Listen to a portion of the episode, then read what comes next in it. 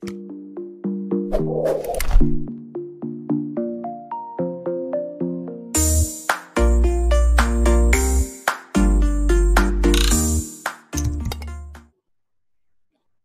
bahagia kerabat desa Indonesia.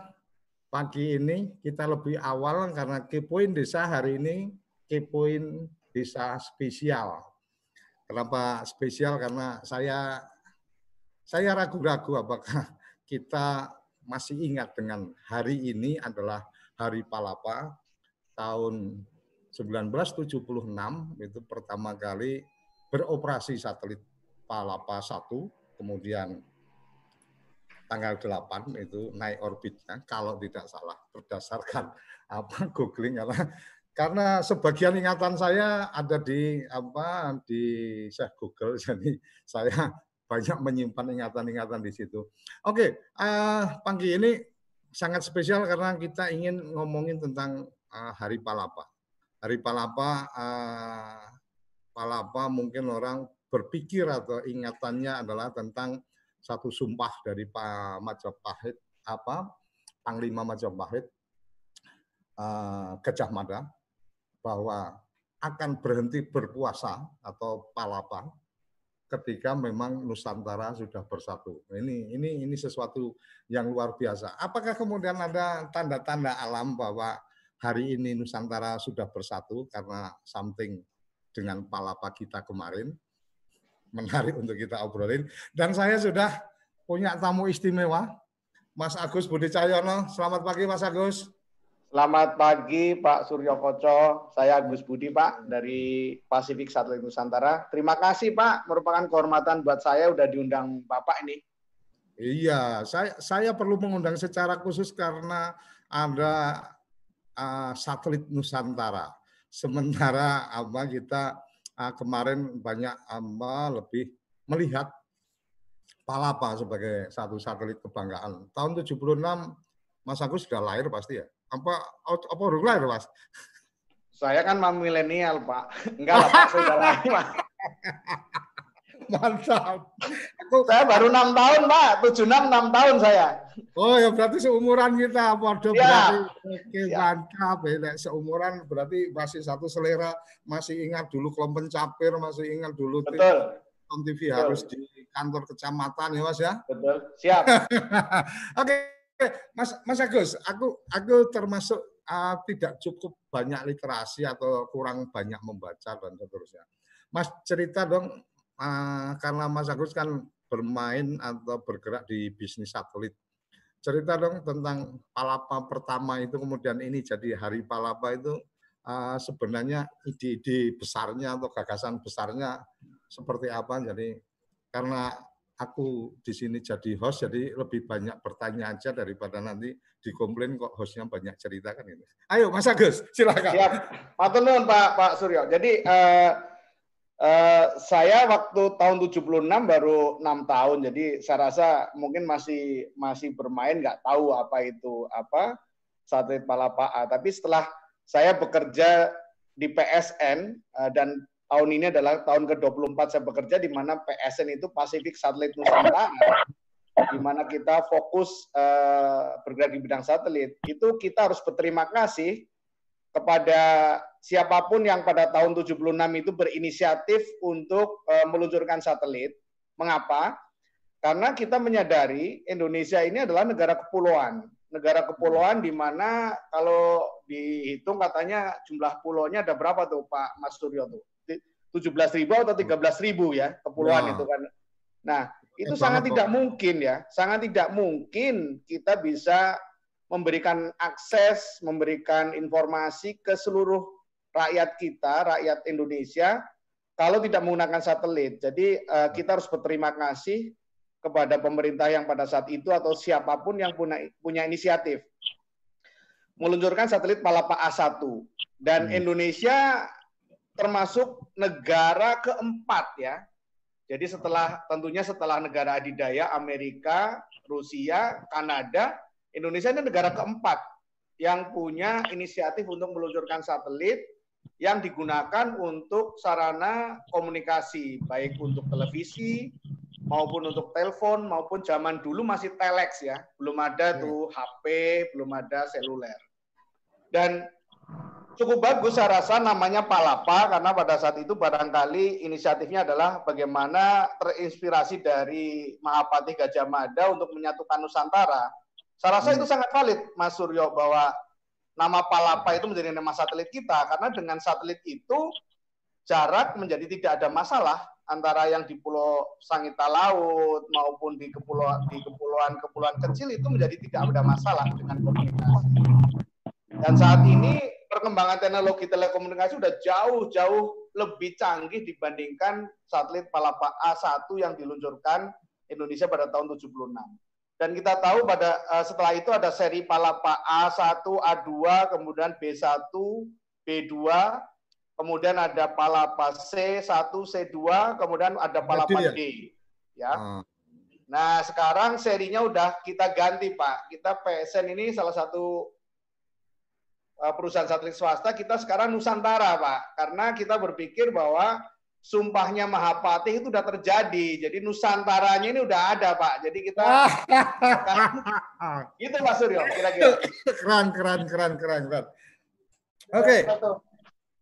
Mas, Mas Agus, Mas Agus, aku aku uh, ini memang jadi apa sesuatu ya. Setiap setiap peristiwa itu aku kadang memahaminya sebagai apa uh, tanda-tanda. Artinya kalau kalau di agama di agama saya kan uh, di agama Islam itu kan bahwa ikro itu bacalah artinya membaca itu kan nggak mesti harus yang tertulis tapi tanda-tanda alam. Oh kalau uh, langitnya hitam berarti mendung mau hujan itu kan artinya kita membaca tanda-tanda kan gitu.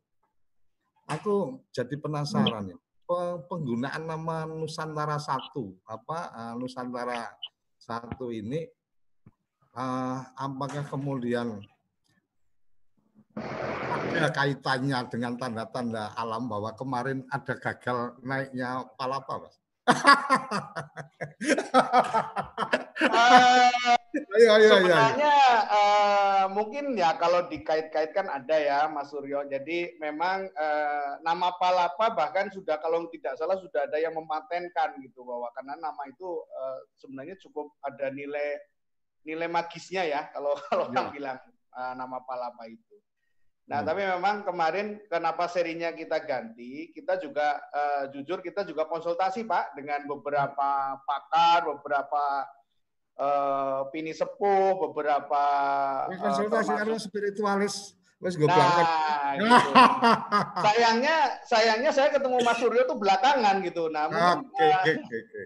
jadi kemudian kita kasih nama Nusantara karena tadi yang sudah saya singgung bahwa Pak Mahapati Gajah Mada bersumpah bahwa dia tidak akan uh, membata, apa tidak masih akan tetap puasa kalau Nusantara belum bersatu dan Insya Allah Bismillah Nusantara sudah bersatu dan dengan satelit itu bisa membantu untuk lebih menyatukan Nusantara, memeratakan uh, semua akses. Jadi tidak ada tidak ada uh, uh, daerah-daerah di mana pun di seluruh bumi Nusantara ini yang ketinggalan. Artinya kita bisa memberikan akses, kita bisa memberikan uh, uh, sarana komunikasi yang sama antara di desa dan di kota dengan menggunakan satelit yang kita bangun sehingga kita sekarang namanya Nusantara Satu. Kemudian kemarin Nusantara kita, naik kapan, Mas? Nusantara Satu naik bulan uh, Februari tahun lalu, Pak. Itu dari hmm. kebetulan sama ya dari Cape Canaveral. Jadi sama seperti yang pada saat uh, Palapa A1 diluncurkan pertama kali. Kemudian hmm. kita juga membuat Nusantara dua, hmm. cuma uh, Kodarullah uh, uh, Allah menentukan lain Nusantara hmm. dua yang harusnya meluncur uh, kemarin bulan April kita kena musibah karena gagal peluncuran, Mas. Hmm. Sehingga uh, itu kita luncurkan kebetulan dari Cina.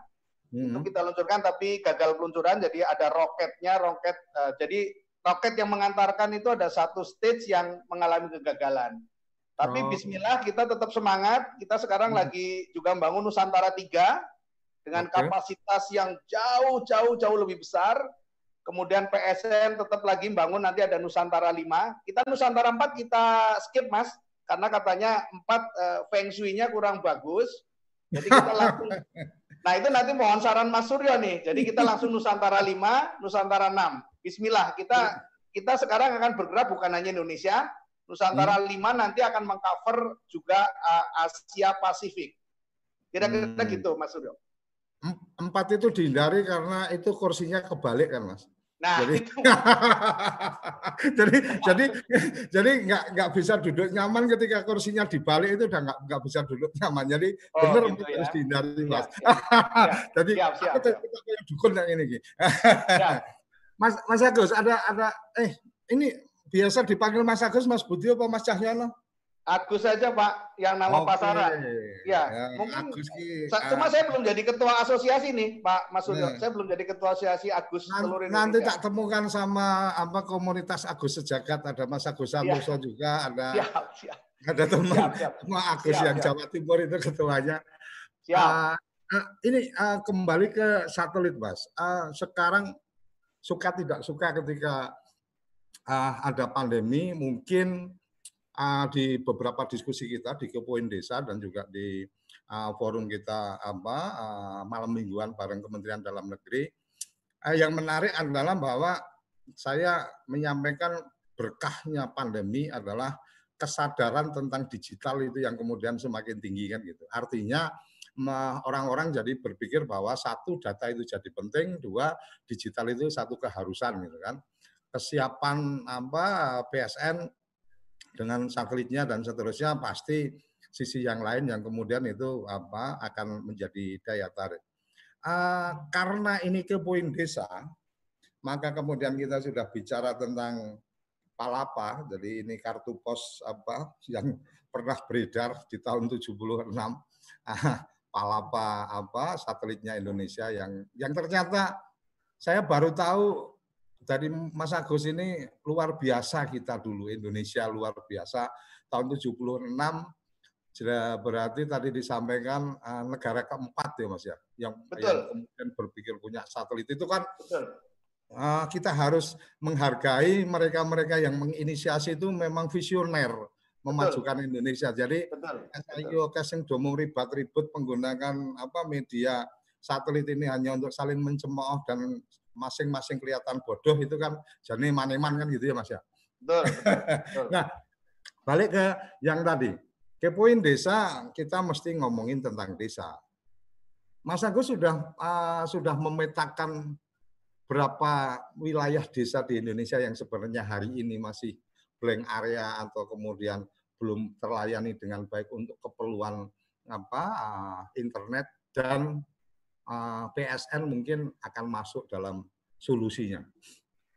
Kalau dari data yang biasanya tim saya olah, itu uh, kita mendetek ada sekitar 25 ribu desa, Mas Suryo, yang mungkin hmm. masih ada uh, kesulitan mengenai akses. Tapi kemarin juga dari Wamen Kemendes menyampaikan bahwa ada tiga, sekitar 13.500 desa yang mungkin membutuhkan uh, penanganan atau membutuhkan akses ya. Jadi memang saya rasa angkanya sekitar-sekitar itu dan kita juga mendetek ada another problem, ada masalah lain yaitu masalah kelistrikan itu yang juga juga menjadi PR yang harus uh, harus diselesaikan. Tapi pada prinsipnya gini Mas Suryo uh, dan uh, seluruh pemirsa bahwa solusi untuk menyediakan akses itu sekarang sudah ada dan biayanya tidak mahal. Itulah PSN bergerak di sana. Jadi PSN sudah punya sudah punya produk ya, sudah punya alat media untuk di mana pun. Yang penting melihat langit. Ya. Ini yang yang serem nih. Di mana pun yang penting melihat langit, Mas, karena ini ya. satelit itu posisinya 36.000 di atas kita. Jadi hmm. uh, uh, jadi kita harus benar-benar nggak boleh terhalang. Selama hmm. itu uh, melihat langit, maka kita bisa memberikan akses internet dengan kecepatan 4G lah, bahkan 5G gitu. Dengan hmm. alat yang sangat terjangkau. Alatnya uh, kalau dibandingkan tahun 76 ini udah uh, seharga handphone lah kira-kira, seharga handphone, oh, ya. handphone smartphone ya. Dan itu udah bisa langsung connect internet. Asalkan hmm. ada listriknya. Jadi yang pengalaman oh. yang kita kita alami adalah internetnya udah siap pakai satelit Nah, listriknya nih Mas yang mungkin mungkin nanti harus kita pikirkan gitu ya. Tapi oh. di seluruh Indonesia tidak ada masalah. Yang penting melihat langit maka bisa mendapatkan akses internet, bisa online, bisa mau bikin laporan apa pun transparansi, mau bikin untuk e-commerce, mau untuk uh, apa anak-anak belajar, e-learning dan segala macam sudah tidak ada masalah. Jadi insya Allah uh, mau 13.500, mau 25.000 desa, itu nggak ada masalah. Kita bisa memprovide, kita bisa memberikan solusi, Mas Suryo. Kira-kira itu. Oke, jadi ini ini nyambung dengan apa yang sudah pernah kita diskusikan di forum-forum sebelumnya. Jadi kalau bicara hari ini masih ada yang yang kepala desa atau perangkat desa atau kantor pemerintah desa yang mengatakan tidak bisa online, maka sebenarnya uh, dari beberapa obrolan kita, kita sepakat uh, itu hanya alasan karena memang kurang paham dengan apa yang sudah terjadi hari ini. Uh, pernah ada tamu kita juga di Kepoin Desa ini bicara tentang energi apa listrik itu dengan tenaga surya bahkan ibarat kata atapnya kantor desa selama apa selama masih kena sinar matahari itu kan pasti bisa jadi listrik.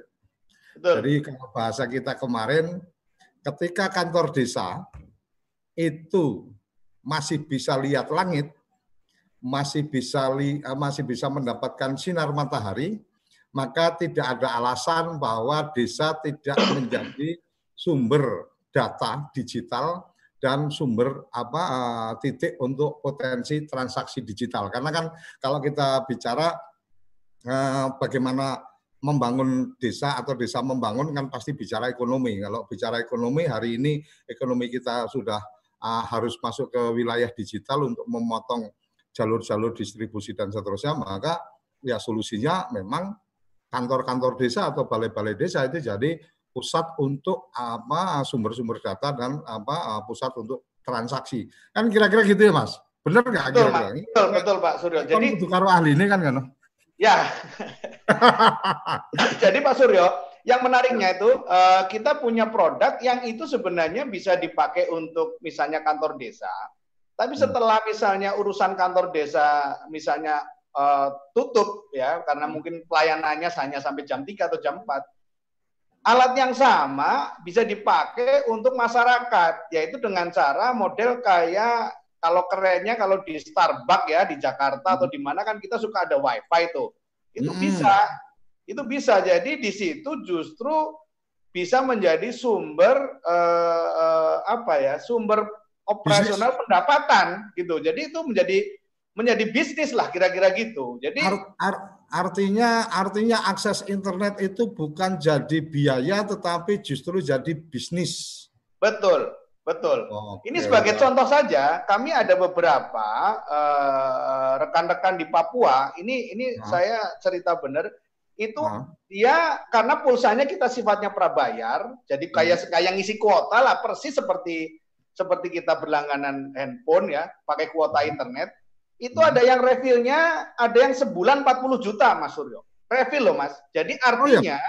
ya dia refillnya 40 juta sebulan. Artinya dia mau punya ada yang bikin kafe ya, jadi warung hmm. kopi, kemudian hmm. uh, dia kasih akses internet, orang yang datang ke situ itu uh, beli voucher, kemudian dikasih username, password, langsung akses hmm. internet. Nah, hal yang sama sebenarnya juga dilakukan di beberapa daerah timur itu uh, di kantor-kantor desa pada saat siang itu internetnya dipakai untuk kepentingan uh, apa uh, operasional desa tapi juga pada saat sore hari dia dipakai untuk masyarakat. Jadi masyarakat bisa datang ke situ yang butuh akses internet, anak-anak sekolah mau mengakses uh, misalnya modul-modul pembelajaran, ya tinggal bayar voucher, connect, udah pakai smartphone-nya. Nah, itu bisa jadi potensi uh, pendapatan. Nah, ini barangkali juga kalau saya lihat di bumdes bumdes ya, Mas Mas Suryo ya. mungkin bisa juga jadi satu inspirasi untuk dijalankan. Di mana kalau itu sudah jalan bisa untuk PPOB ya, bayar hmm. BPJS, bayar listrik, kemudian juga hmm. mungkin untuk belanja online dan segala macam. Saya rasa ini sangat sangat dahsyat ini dan alatnya alat yang sama, alat yang tidak terlalu mahal. Arti, artinya artinya ini pergeseran pergeseran bisnis telekomunikasi eh, layanan telekomunikasi mungkin ya. Saya dulu waktu masih di kampus sempat uh, mengelola wartel, jadi ya. warung telepon, eh, ya. warungnya Telkom. Ya. Yang kemudian uh, suka tidak suka itu tergerus ketika kemudian ada warnet kan gitu. Betul. Yang di kampung-kampung orang jual apa jasa layanan warnet, orang tuanya pengen apa uh, chattingan atau pengen ngobrol video conference sama anaknya yang di luar negeri, itu tidak lagi telepon karena sudah terlalu mahal, akhirnya kemudian menggunakan apa uh, warnet kan gitu. Ya. Hari ini ketika kemudian perangkat itu semakin murah kan itu, zaman ya. zaman saya ngelola warnet eh wartel itu pakai handphone itu masih satu kemewahan ya mahasiswa. Sangat mewah. Sangat, sangat mewah. mewah Aku masih waktu itu masih ingat apa pakai AMPS yang klip ya loh mas. Oh iya iya. Motorola. jadi, ah, Motorola. Jadi se setelah apa setelah pager ya kan Nah, ya. Setelah pager kita nggak bisa jawab, terus pakainya ya. itu kita masih bisa ya. jawab. Habis Betul. itu terus apa pisang Nokia yang apa ya. sejuta umat itu kan. Sejuta gitu. umat. Nah, ini sekarang handphone jadinya smartphone sehingga ya. komunikasi bisa dengan apa uh, ya. apa jadi lebih luas dan seterusnya. Ini uh, kemudian bisnisnya jadi bergeser nih warnet mungkin sekarang udah bubar juga kan gitu. Ya. Ketika ya. kemudian kafe-kafe sudah memberikan layanan wifi, ada yang gratis, ada ya. yang berbayar dan seterusnya. Ya. Mas ya. sebagai sebagai gambaran mungkin dengan belanja yang tadi disampaikan, uh, ini tidak lepas dari apa sumpahnya Palapa itu kan kalau sumpah Palapa itu kan berhenti apa tidak akan menikmati palapa, apa tidak akan uh, akan berhenti berpuasa, tidak akan menikmati kenik, uh, tidak akan men, merasakan kenikmatan kalau belum bersatu Nusantara kan gitu.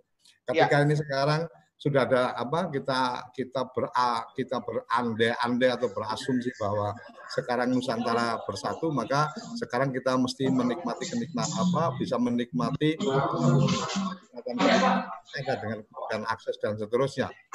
Nah, Mas aku bisa dikasih gambaran nggak dari teman yang di Papua itu ketika ya. kemudian belanja apa belanja uh, untuk uh, pakai datanya sampai uh, puluhan juta setiap bulan itu, itu uh, kalau gambaran bisnisnya itu dia bisa bisa dapat sampai berapa banyak apa berapa banyak atau polanya apakah mereka menaikkan harga dari paket yang sudah disiapkan dan seterusnya?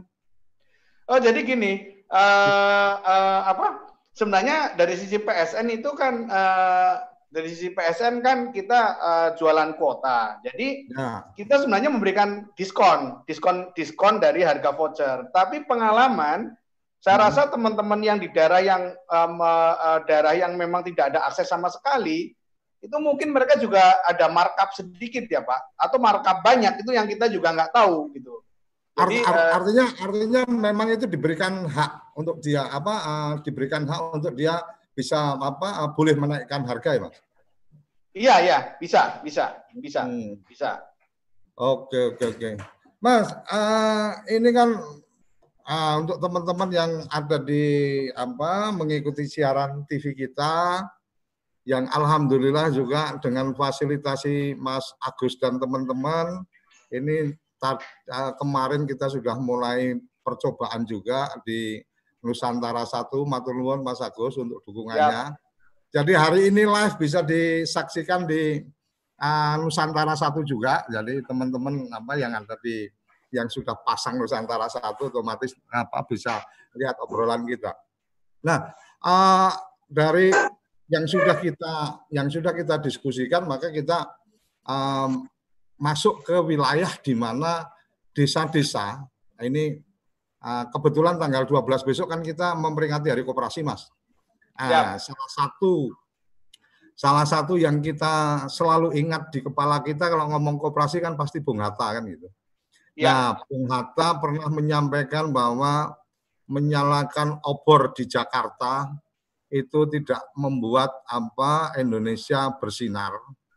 Tetapi kalau kita menyalakan lilin di desa-desa seluruh Indonesia, maka Indonesia akan bersinar kan itu. Nah, ketika ya. kemudian kita melihat desa sebagai apa uh, titik untuk kemudian kita tumbuh kembangkan, uh, eh, PSN hadir dengan apa uh, bagaimana hari ini bicara semua digital, maka PSN memberikan uh, kesempatan untuk kemudian teman-teman di desa berakses atau memberikan apa mendapatkan akses secara langsung dengan apa internet sampai di desa-desa.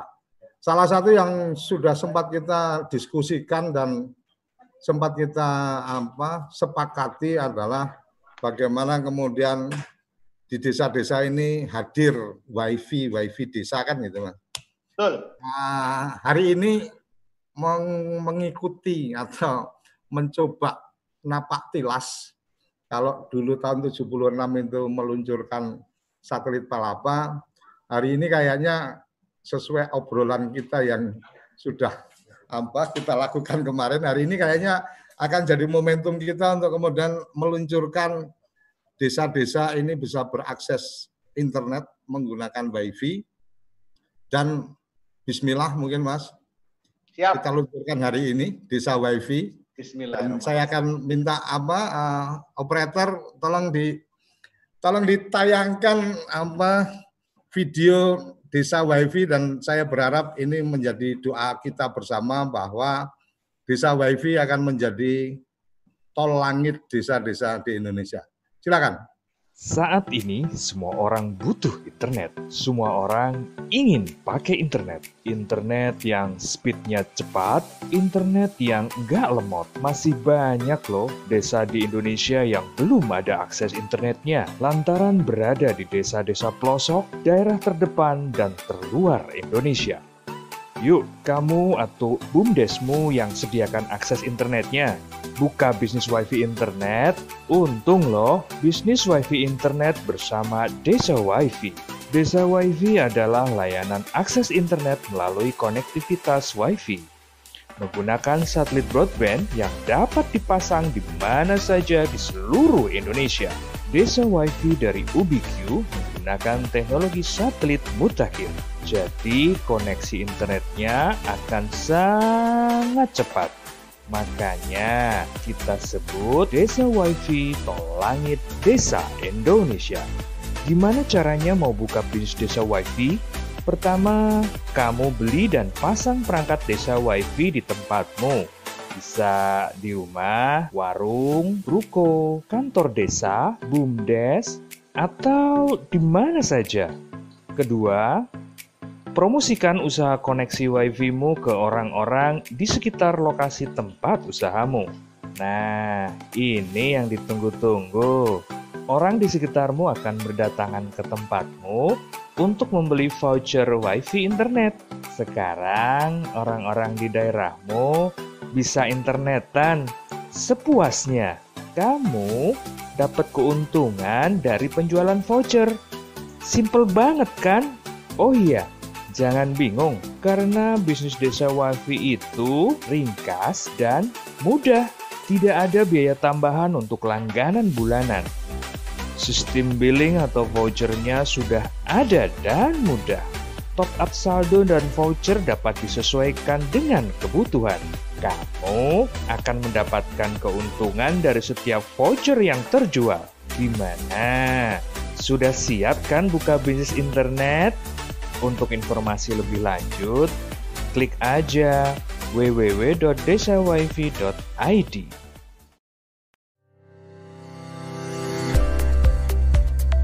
Kamu tinggal di pulau terpencil,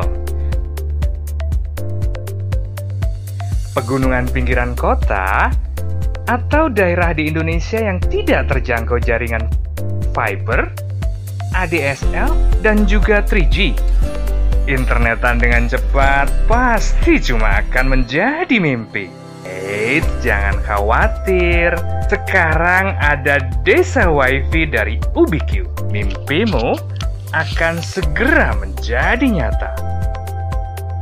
Desa WiFi menggunakan teknologi satelit mutakhir. Jadi, koneksi internet akan sangat cepat. Makanya kita sebut desa WiFi Tol Langit Desa Indonesia. Kalau kamu sudah memesan layanan desa WiFi, modem dan antena satelit akan dipasang di tempatmu dan bisa langsung terhubung ke komputer dan handphone kamu. Dengan desa WiFi, setiap saat kamu browsing di internet, semua request kamu akan dikirimkan langsung ke satelit di langit. Kemudian, satelit akan langsung mencarikan konten yang kamu cari. Dan dalam hitungan detik saja, dunia sudah ada di hadapanmu.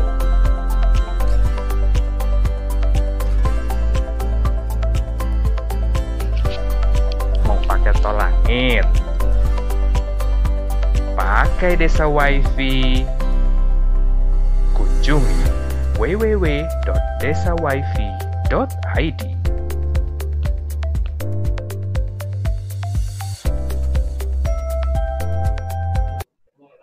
Oke, Bismillahirrahmanirrahim. Kita apa sudah mulai publish kalau kalau bahasa bahasa kerennya kali soft launching kali ya Pak ya. Kalau grand ya. launchingnya pasti harus bikin acara acara khusus ini Mas Agus. Siap, nggak, siap, siap. Nggak, nggak mungkin kan kita nggak launchingkan sesuatu yang besar ini.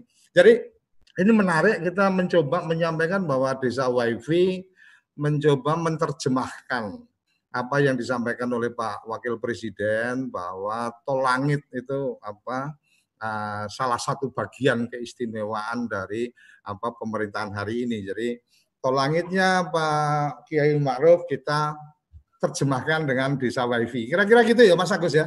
Siap, siap. Dan uh, ini entah gayung bersambut, entah apa bahwa PSN siap mensupport untuk desa wifi karena kita uh, sudah masuk juga ke hmm. beberapa pelosok desa dan persis seperti yang ada di uh, inspirasi oleh uh, Pak Kiai Ma'ruf maupun diimplementasikan oleh Mas Suryo ini. Ya. Itu kita itu itu yang kita buat. Jadi desa ada wifi-nya bukan hmm. hanya untuk kepentingan uh, desa tapi bisa untuk masyarakat. Jadi hmm. tidak ada lagi kendala, tidak ada lagi orang yang nanti kesulitan akses internet, kesulitan membuka informasi, semuanya sudah bisa kita tangani. Jadi Bismillah, selamat kepada Pak Suryo, inisiasinya hari ini Desa WiFi dan posisi PSN adalah kita siap untuk bekerja sama, kita siap mensupport. Mari sama-sama kita membangun negeri ini, Mas, dengan siap. porsi masing-masing. Selam, selamatnya ini, selamatnya ini uh, bu, bukan hanya di kita, tapi selamatnya karena ada pertemuan dan perjodohan antara TV Desa dengan PSN, kemudian kita bisa merealisasikan gagasan-gagasan yang sudah disampaikan uh, kepada publik. Mas, uh, ada pertanyaan menarik di apa YouTube adalah ini apa menarik ini dari apa akun Udak TV. Salam kenal lur semua. Oke, salam kenal. Bagaimana menjaga keamanan datanya, Pak? Saat ini banyak kejahatan. Wah, ini pakarnya pakar satelit yang harus bicara. Ayo Mas Agus silakan berikan respon.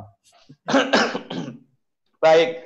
Sebenarnya kalau kalau masalah keamanan data itu kan ada ada bisa berlapis. Kita juga sudah mengamankan datanya.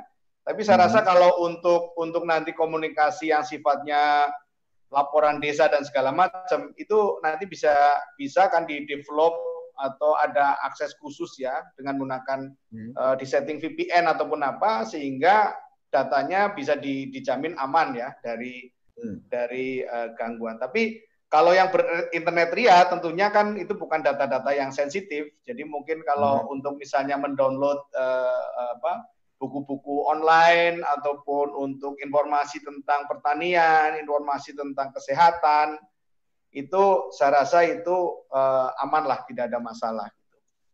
Tapi layanan layanan kita ini juga memungkinkan di setting dari apa dari desa wifi-nya bahwa kalau berakses melalui desa wifi maka kemudian akan ada konten-konten tertentu yang memang di lock untuk tidak bisa diakses gitu mas. Untuk bisa mas. kita bisa. ngajak ke ya kita kan uh, eh, PSN ini kan tetap uh, di bawahnya Kominfo di mana mereka punya aturan-aturan yang cukup ketat aturan-aturan yang melindungi konsumen termasuk melindungi generasi muda kita bahwa kita tidak boleh ada konten pornografi, konten apa itu tetap kita kita masih harus mengikuti dan memang kita juga taat prosedur. Jadi insya Allah eh, konten-konten tertentu bisa kita blok gitu mas. Oke. Uh, mas Agus, ini yang kemudian mungkin menarik adalah di ruangan apa Zoom meeting kita. Ini ada juga Mas ada juga Pak Okto dari Dirjen Bina Pemdes. Ah, semoga beliau nanti berkenan ikut memberikan responnya karena salah satu yang selalu support ah, teman-teman di TV Desa berkolaborasi dengan Oh ya, sebagai gambaran ke Mas Agus, TV Desa kita bekerja sama, kita bekerja sama dengan Kementerian Desa dan Kementerian Dalam Negeri. Jadi nggak salah kalau Mas Agus juga berteman dengan kita kan gitu uh, dengan semangat apa membuka akses desa-desa itu kan urusannya kan di dua kementerian itu Kementerian Desa sama Kementerian Dalam Negeri kan gitu.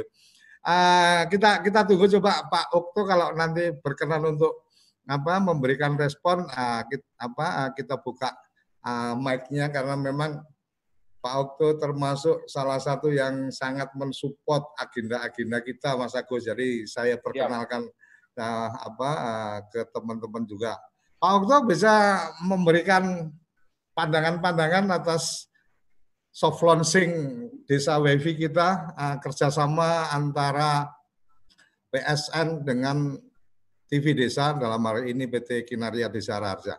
Monggo Pak Okto. Sudah oh, iya, buka. Pak, terima, terima kasih Bapak Ibu sekalian. Assalamualaikum warahmatullahi wabarakatuh. Waalaikumsalam. Selamat pagi dan salam sejahtera untuk kita sekalian. Makasih nih Pak uh, Suryo, Pak Agus, luar biasa. Uh, apa namanya spiritnya itu yang luar biasa apa namanya uh, palapa ya palapa palapa tapi yang mungkin bahasa sederhananya adalah uh, wifi-nya itu hadir di di sampai ke pelosok itu juga menarik kami ini kan menangani uh, apa namanya sampai tanggung jawab lah sampai ke desa. Desa-desa itu di kami itu kan menangani memperkuat administrasi-administrasi pemerintahan. Tadi Bapak sudah sampaikan termasuk penggunaan bisa saja di pemerintah desa ya kantor desa itu pemanfaatan wifi-nya itu tidak hanya untuk kelayanan ya layanan layanan akses internet. Internet sendiri bisa gunakan untuk layanan uh, pemerintahan, tapi juga pasca setelah uh, jam kerja itu bisa dimanfaatkan juga oleh masyarakat. Nah, tadi uh, saya karena sambil kerja jadi nggak terlalu konsen full, tapi mungkin saya nanti minta tambahan-tambahan penjelasan dari Bapak. Yang pertama yaitu uh, kan saat ini ada desa yang sudah mendapatkan akses internet, ada yang belum. Yang belum ini karena eh, apa namanya jaringan. Dua jaringannya itu jaringan listrik dan jaringan internet. Ya. Kalau bayangan saya tadi, mungkin dengan eh, apa namanya instrumen yang bapak siapkan ini, ya di perusahaannya bapak, itu bisa meng mengatasi masalah jaringan listrik dan jaringan internet. Karena kalau secara uh, manual kita ini kan kalau uh, mati lampu ya kan gitu sudah. Maka internetnya internetnya berakhir. Ya. nah itu yang pertama ya pertanyaan pertama. Kemudian yang kedua apakah memang dialokasikannya untuk per bulan itu 40 juta tadi juga menarik disampaikan Pak Suryo 40 juta. 40 juta itu kan berarti 480 juta satu tahun untuk desa. Ah, kan harga itu kan relatif. Tapi seberapa besar sebenarnya jangkauannya sehingga kalau kita lihat dibandingkan misalnya IndoHome. IndoHome itu kan cuma 600 ribu per bulan. Paling memang jangkauannya terbatas. Nah ini tolong mungkin disampaikan dengan 40 juta per bulan itu kapasitasnya seperti apa? Kami awam nih. Kalau kira-kira jarak apa namanya, jarak jangkaunya dan kapasitas manusia yang mengakses itu itu seberapa banyak. Itu kemudian uh, apa namanya mungkin fitur-fitur ya, fitur-fitur yang untuk dapat didaya gunakan. Saat ini kan sudah banyak dikembangkan juga di desa-desa. Itu eh, layanan-layanan, uh, ada layanan misalnya lewat apa namanya Android akses untuk mendapatkan layanan uh, layanan uh, surat keterangan. Bahkan juga ada layanan mengenai pemetaan wilayah. Wilayah ini peta wilayah batas wilayah kemudian sampai ke tingkat bisa dari monitor akses internet tentunya. Kita bisa melihat tanah siapa milik pemilik siapa sampai sampai ke titik itu yang Android Android juga pengguna Android juga sampai dengan bagaimana mengatasi apa kejahatan. Tiba-tiba langsung ada kecelakaan di mana itu bisa langsung terakses terkonek semuanya. Uh, poin saya adalah terlepas dari bisa menjangkau uh, sistem yang bisa menjangkau apa namanya kebutuhan masyarakat secara keseluruhan tetapi yang di saya ini adalah layanan pemerintahan yang bisa memanfaatkan uh, internet untuk memenuhi kebutuhan-kebutuhan masyarakat dalam berbagai tema. Ya Pak ya. Okay. Kemudian mungkin yang uh, terakhir adalah kalau kemudian kami ya misalnya ini dari orang dari ini kan kami punya desa itu kan banyak sekali 74 ribu 543. Saya membayangkan kalau semua berlangganan satu bulan saja itu dua, dua triliun Pak. 2 triliun, 2,9 triliun, hampir 3 triliun itu ya luar biasa ya. Tapi kembali lagi, apakah di antara produk-produknya yang disediakan dalam uh, apa namanya dalam kelompok yang sama, apa sih keunggulannya yang dari sini, Pak? Oke. Okay. Akses, harga dan seterusnya. Terima kasih. Oke, okay, terima kasih. Uh, Pak Okto, jadi mungkin saya perlu clearance satu, angka 40 yang tadi disampaikan sebenarnya lebih pada uh, angka itu ada transaksi satu kafe di Papua itu bisa mencapai isi ulangnya 40 juta. Artinya itu bisnisnya teman oh, di kafe di Papua bukan berlangganan dengan 40 juta. Apa bu, oh, bukan siap, siap. uh, posisinya bukan itu. Nanti Mas Agus akan jelaskan kenapa saya perlu clearance karena memang ada bagian supaya apa supaya tidak salah persepsi tentang agenda angka-angka tadi. Kalau uh, kalau angka-angkanya nanti mungkin uh, ada juga Mas Said Mulyono yang menangani apa uh, desa wifi mungkin nanti bisa ikut menyampaikan atau mungkin cukup nanti dari Mas Agus bisa menyampaikan.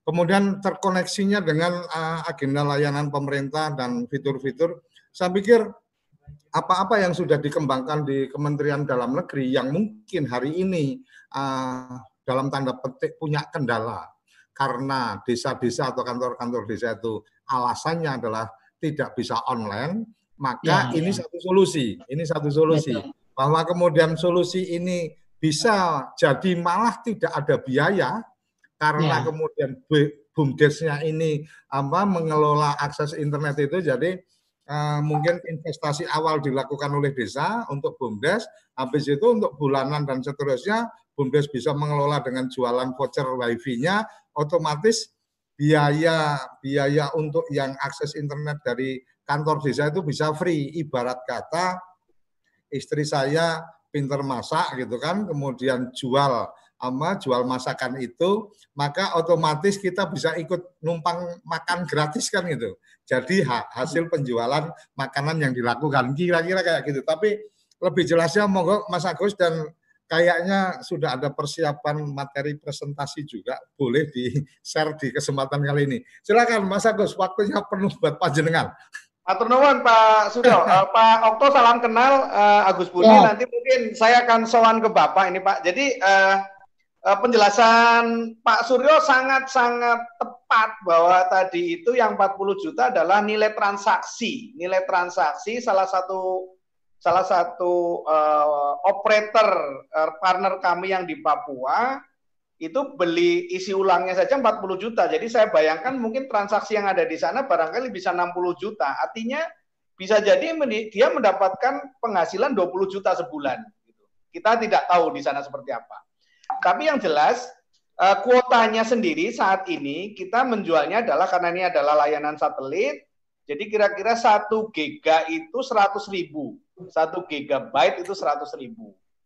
Nah, di situ kita nanti akan sudah ada sisipkan komisi untuk pengelola. Kira-kira itu Pak Oto. Jadi kalau alatnya sudah ada, maka kita tidak jual mahal per kuotanya Pak. Jadi kalau sekarang kalau dibandingkan, oh ya kalau kita berlangganan JSM berapa ya beli kuota? Kadang-kadang ada yang harganya sepuluh ribu, kadang-kadang ada dua puluh ribu. Kalau di daerah yang agak remote, mungkin di daerah terpencil enam puluh ribu per giga Pak. Jadi sebenarnya itu uh, apa uh, tadi persis sekali seperti yang Pak Suryo jelaskan dan analoginya juga sangat tepat. Jadi kalau ibaratnya kita punya istri pinter masak, buka warung, maka kita numpang makan. Kira-kira gitu ya Pak Suryo ya. Jadi iya, uh, iya, iya.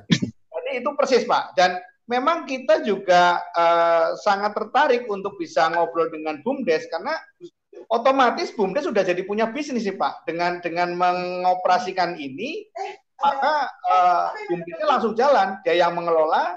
Nah, kemudian yang kita provide Pak, itu kan sebenarnya pipa, Pak ya, Pak Okto ya, pipa. Jadi isinya mau apa, itu mungkin justru di sinilah keunggulannya, di sinilah keuntungannya.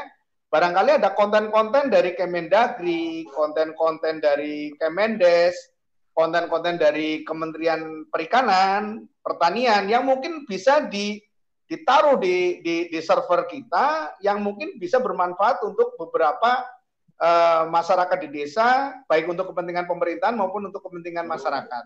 Kemudian tadi masalah listrik, itu kalau saya tidak salah uh, ingat, itu kebutuhan kita tidak terlalu banyak, Pak. Ya. Itu hanya sekitar 100 watt. Ya, 100 watt. Jadi 60 sampai 100 watt. Jadi itu bisa bisa kita caranya begini kalau kita menggunakan solar panel, seperti tadi Pak Suryo sampaikan, di atas kantor desa itu menggunakan solar panel, itu bisa juga kita kalau mau ada uh, baterai di situ, maka itu baterainya menyimpan sehingga pada saat tidak ada matahari itu bisa sumber dayanya dari dari penyimpanan itu. Di beberapa desa yang kita jumpai Pak yang sudah kita pasang ada yang listriknya itu dari genset, Pak. Di mana listriknya itu hanya nyala dari jam 6 sore sampai jam 10 malam.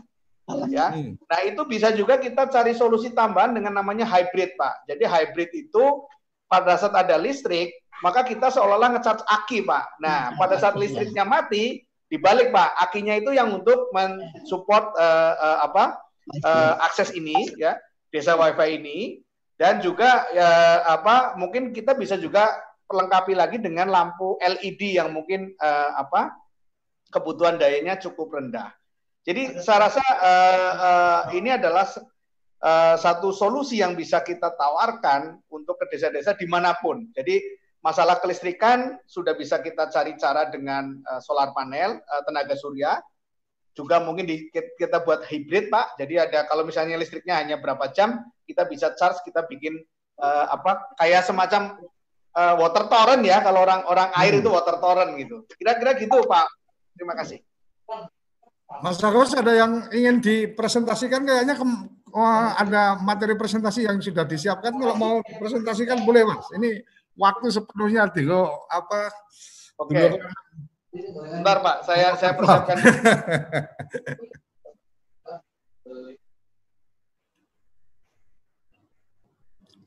Jadi uh, sambil menunggu Mas Agus mempersiapkan teman-teman yang menyaksikan di uh, televisi kita dan juga di uh, channel YouTube kita, ini bagian yang apa sedang kita kita mengusahakan kenapa bahasa pilihannya adalah tol langit karena memang ya ini jalur khusus. Ini jalur khusus. Jadi mungkin akan berbeda ketika kemudian pilihannya adalah oh bisa juga apa tidak lewat tol tapi lewat jalan-jalan yang lain. Tetapi memang ini bagian yang kita ingin kembangkan kita ingin apa dedikasi silakan kalau memang sudah siap. Sebentar Pak. Lagi kita siapkan dulu. Uh, nanti mungkin yang uh, yang share dari temannya Pak Yudi ya. Pak Yudi. Ah, Mas siapa? Saya jadikan co-host Oh, Pak Yudi. Ah, Oke, okay. ah udah, silakan. Jadi oh, uh, Pak Koco, uh, uh, Pak Okto juga. Jadi uh, ini ini simpel sekali ya. Jadi desa WiFi ini nanti perangkatnya itu ukurannya hanya sekitar satu meter kurang, ya. Jadi tidak memakan tempat, ya. Ini cukup ringan. Kemudian jadi hanya terdiri dari tiga komponen saja. Jadi ini ada antena, yang mungkin nanti dipasang uh, baik di atas tanah maupun mungkin ditempelkan di dinding atau di atas uh, serasanya kalau di desa ya. Kalau saya membayangkan desa saya di Jawa Tengah sana uh, mungkin bisa dipasang di tanah saja. Kemudian nanti ada ada modem ini ada satelit modem jadi kayak black box aja. Nah ini kemudian ada wifi router pak. Jadi itu saja alatnya. Bahkan bahkan kita juga bisa uh, melatih ya, melatih beberapa uh, orang dari desa untuk bisa memasang alat ini. Jadi tidak tidak harus tidak harus kami yang masang, gitu. Bisa kita melatihnya. Nah kita bayangkan kalau alat ini sudah terpasang, misalnya di kantor desa, maka secara otomatis ini smartphone yang ada di sekitarnya itu sudah bisa langsung terkonek ke internet. Sangat simpel, sang, sang, sangat sederhana. Nah, kalau alat ini kalau alat ini difungsikan untuk uh, kantor desa ya, kita bayangkan ini adalah kantor desa, maka uh, di dalam kantor desa dia bisa menggunakan untuk kepentingan uh, uh, pemerintahan. Nah, mungkin setelah jam kerja bisa dibuka untuk umum. Nah, orang yang akan mengakses, misalnya ada ada masyarakat mau mau mengakses internet ini, maka tinggal datang dan itu tentunya harus ada operator. Operator itulah yang nanti akan uh, mengeset ya, memberikan username dan password dan orangnya bisa membeli voucher di situ. Dengan membeli voucher, kemudian setelah diberikan akses, maka sudah langsung dia berinternet langsung dengan menggunakan gadgetnya ya, dengan menggunakan smartphone-nya. Sesimpel itu Pak Koco, Pak Okto. Jadi eh, eh, eh, sangat mudah, sangat sederhana. Hanya saja ini alat ini membutuhkan 60 watt sampai 100 watt sehingga ini yang perlu nanti dipikirkan untuk desa-desa yang mungkin masih ada masalah kelistrikan. Nah, itu mungkin nanti uh, harus dipikirkan apakah dengan menggunakan tenaga surya, apakah dengan menggunakan hybrid ya, yang tadi saya saya singgung. Jadi mungkin uh, uh, dari genset atau mungkin gensetnya kalau malam untuk mengecharge aki dan pada saat siang tidak ada listrik, itu mungkin akinya yang akan uh, atau akinya yang akan dipakai untuk uh, mensuplai satu dayanya. Sesimpel itu Pak Suryo, alatnya sangat sangat sangat tidak tidak kompleks lah kira-kira gitu. Artinya artinya masang pun juga tidak terlalu ribet ya Mas ya? Tidak, tidak, tidak, tidak. Jadi uh, malah uh, kami kami uh, melatih Pak, kita sudah kerjasama dengan BLK Pak, Balai Latihan Kerja. Ya. Eh, kebetulan sentralnya di Bekasi, itu sudah mungkin sudah hampir tiga tahun kita memberikan training kepada hmm. uh, BLK karena uh, justru ini juga pemberdayaan masyarakat di desa-desa Pak, di daerah-daerah, di mana kami punya layanan yang juga untuk uh, untuk pelanggan kami Biasanya kami nanti eh, eh, anak-anak uh, yang sudah kita latih di BLK kemudian kembali ke daerah itu menjadi partner kami untuk tenaga instalasi dan tenaga pra, pemeliharaan, Pak. Jadi tentunya kami ini ini juga uh, peluang baru. Kami sangat senang kalau ada desa, di desa-desa itu ada ada orang yang paham, orang yang pinter masang, pinter memelihara, itu menjadi hmm. partner kami. Nanti itu itu juga pemberdayaan masyarakat itu Pak Kocok. Ini kalau kalau sesimpel itu mungkin akan menarik lagi kalau kita kolaborasikan juga dengan teman-teman jaringan pemberdayaan perempuan. Jadi ketika bicara uh, terinspirasi dengan uh, listrik tenaga surya yang di India itu kan penanganan untuk apa? Untuk apa pengecekan panel dan seterusnya itu ternyata malah perempuan-perempuan di desa itu yang diberdayakan gitu. Nah, yang yang menarik lagi adalah saya membayangkan ketika kemudian di satu kantor desa, kemudian memanfaatkan ini menjadi bisnis untuk badan usaha milik desanya karena memang secara akses internetnya mungkin kurang bagus dan seterusnya, kemudian akan dapat layanan internet yang bagus.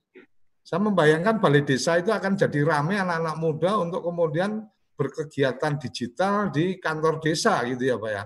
Artinya karang karang taruna atau pemuda-pemuda desa kreatif uh, bisa bikin-bikin konten juga untuk TV desa gitu kan. Bisa juga kemudian dia melakukan apa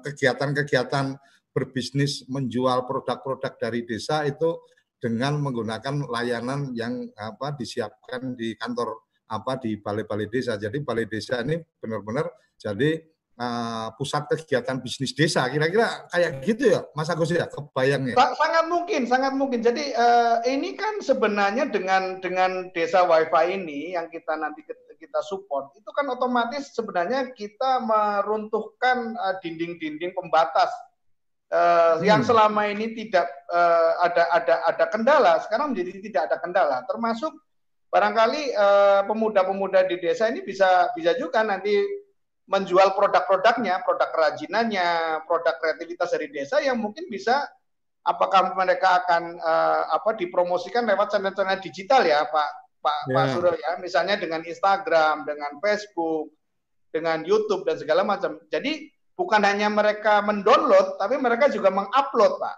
Dan itu yeah. itu kalau misalnya uh, BUMDes itu bisa membuat semacam punya semacam portal atau semacam marketplace itu juga sangat mungkin itu sangat sangat sangat mungkin jadi ini membuka membuka keterisolasian membuka yang tadinya tidak mungkin menjadi mungkin gitu saya rasa sangat sangat sangat sangat bisa jadi seperti itu kalau bicara tentang marketplace, sudah banyak yang menyiapkan dan seterusnya.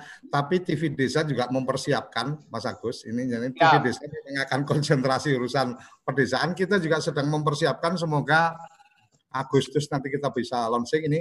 Tapi sudah bisa diakses teman-teman. Itu media online kita untuk apa iklan baris. Jadi beriklan gratis untuk para pengusaha desa. Itu di lumbungdesa.id itu kita sudah ama sudah mulai kembangkan. Uh, silakan teman-teman juga bisa mencoba mengakses di sana. Bahkan kami dengan salah satu apa rekan juga mengembangkan satu um, aplikasi untuk teman-teman perangkat desa. Jadi apa di Android juga bisa di-download perangkat desa.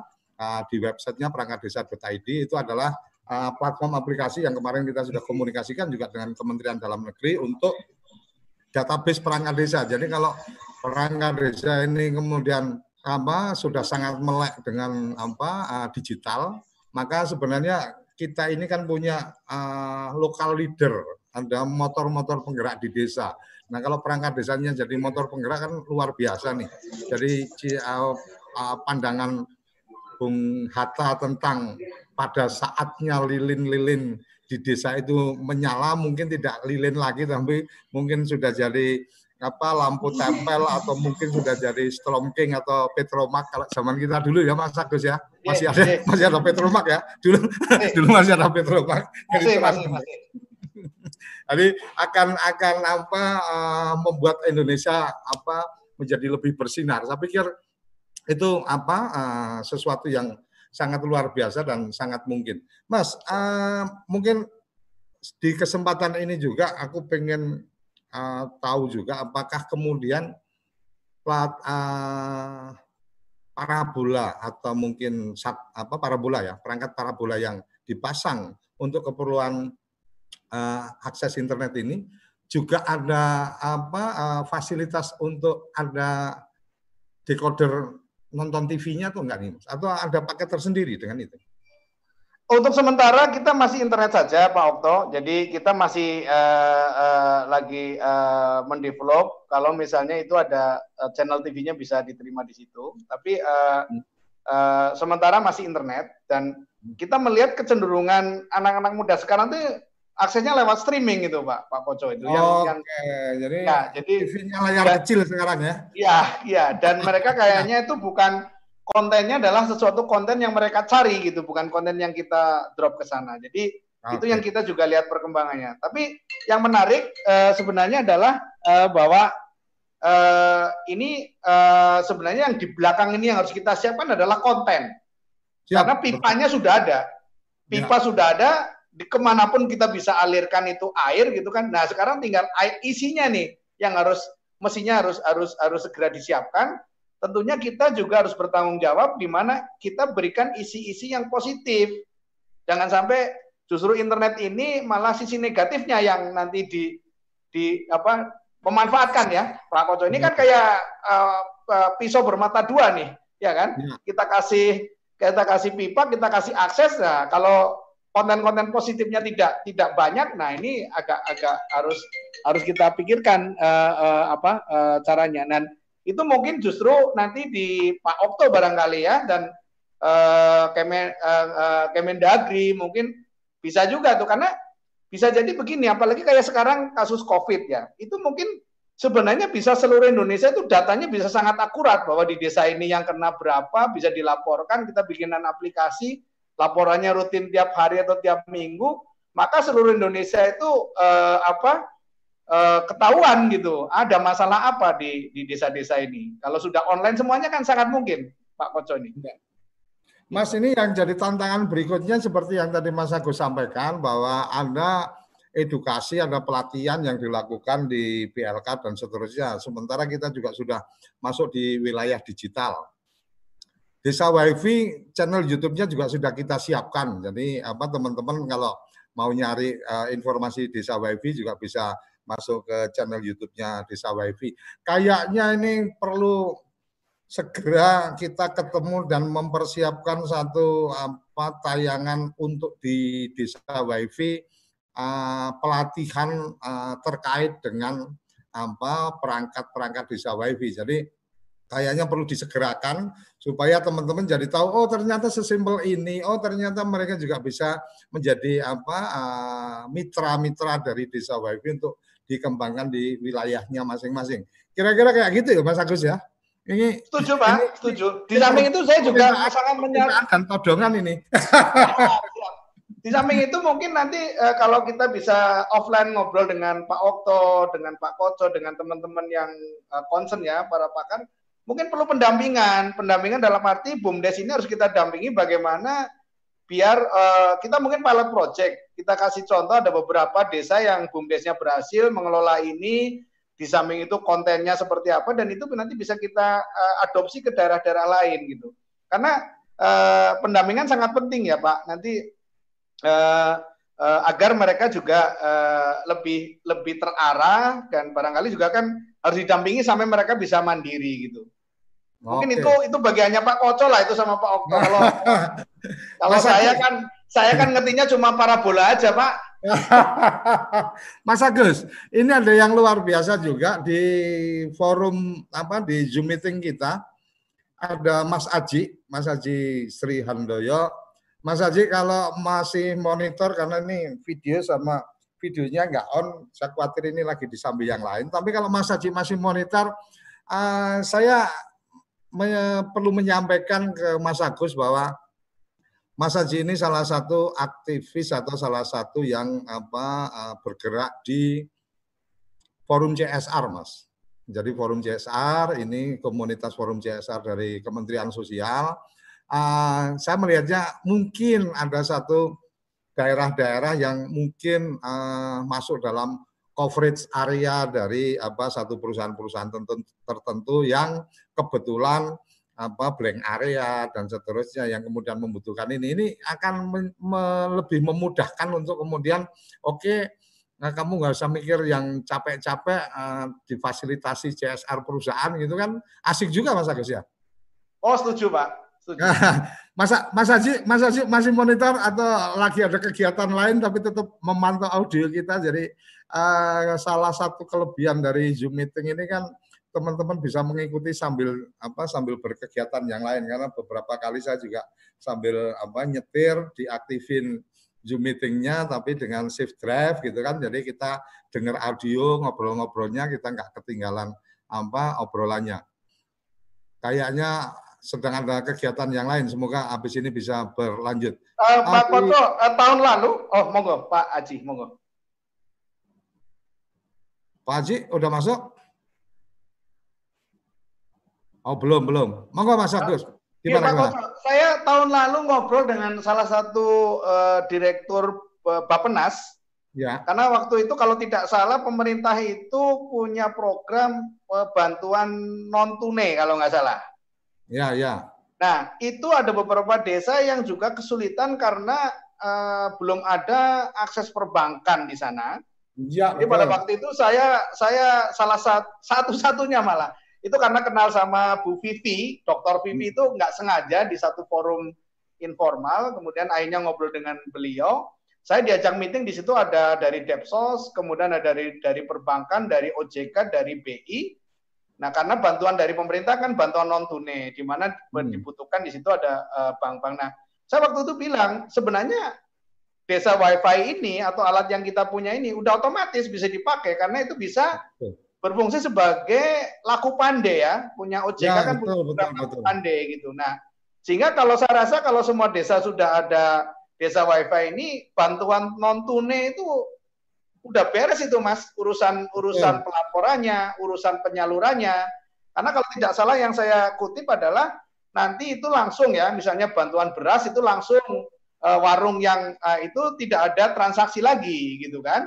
Kemudian ya. nanti rencana kalau tidak salah pemerintah juga ada bantuan gas kalau tidak salah ya, untuk ya. masak.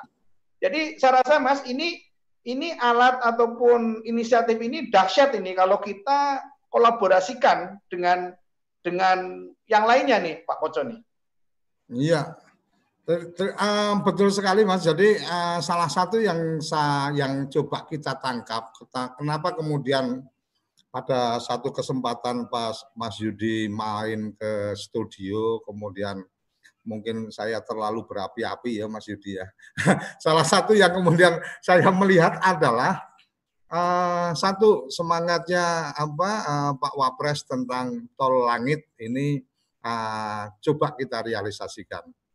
Kemudian ada semangat lain yang juga disampaikan oleh Menteri Desa Gus Menteri bahwa 2021 itu ketika ada program apa uh, pemanfaatan dana desa dan seterusnya uh, itu diharapkan cashless jadi tidak ada cash yang apa transaksi cash yang terjadi.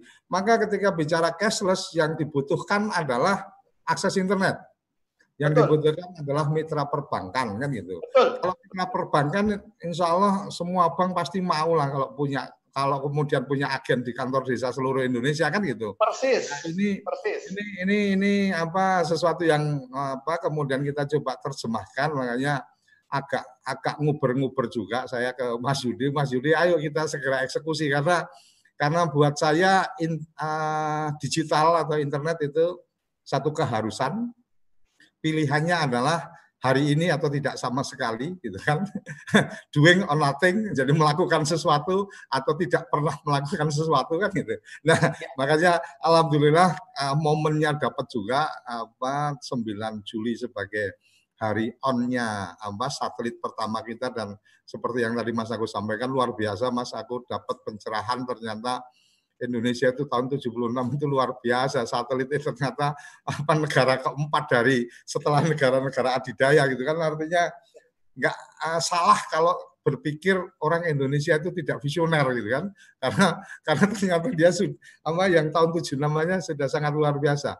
Anda di chat kita di Zoom ada selamat pagi semua Indonesia, salam kenal dari Bali, uh, Rosalinda, tetap semangat semeton, salam kebajikan. Oke, terima kasih apa Mbak Rosalinda. Mbak Rosalinda ada yang ingin disampaikan? Saya open mic-nya, oh tapi kok nggak ada ininya ya, aktif uh, mic-nya ya. Uh, Mas Agus, apa agenda-agenda apa agenda-agenda PSN mungkin kita pengen tahu uh, setelah kemudian ada apa Nusantara 3, Nusantara 5 dan seterusnya. Big dream-nya apa Mas? Mimpi besarnya apa uh, PSN dengan Nusantaranya ini. Karena lagu Nusantara kan keren banget, ya. Hah? Ya. Ayo. Siap, Pak.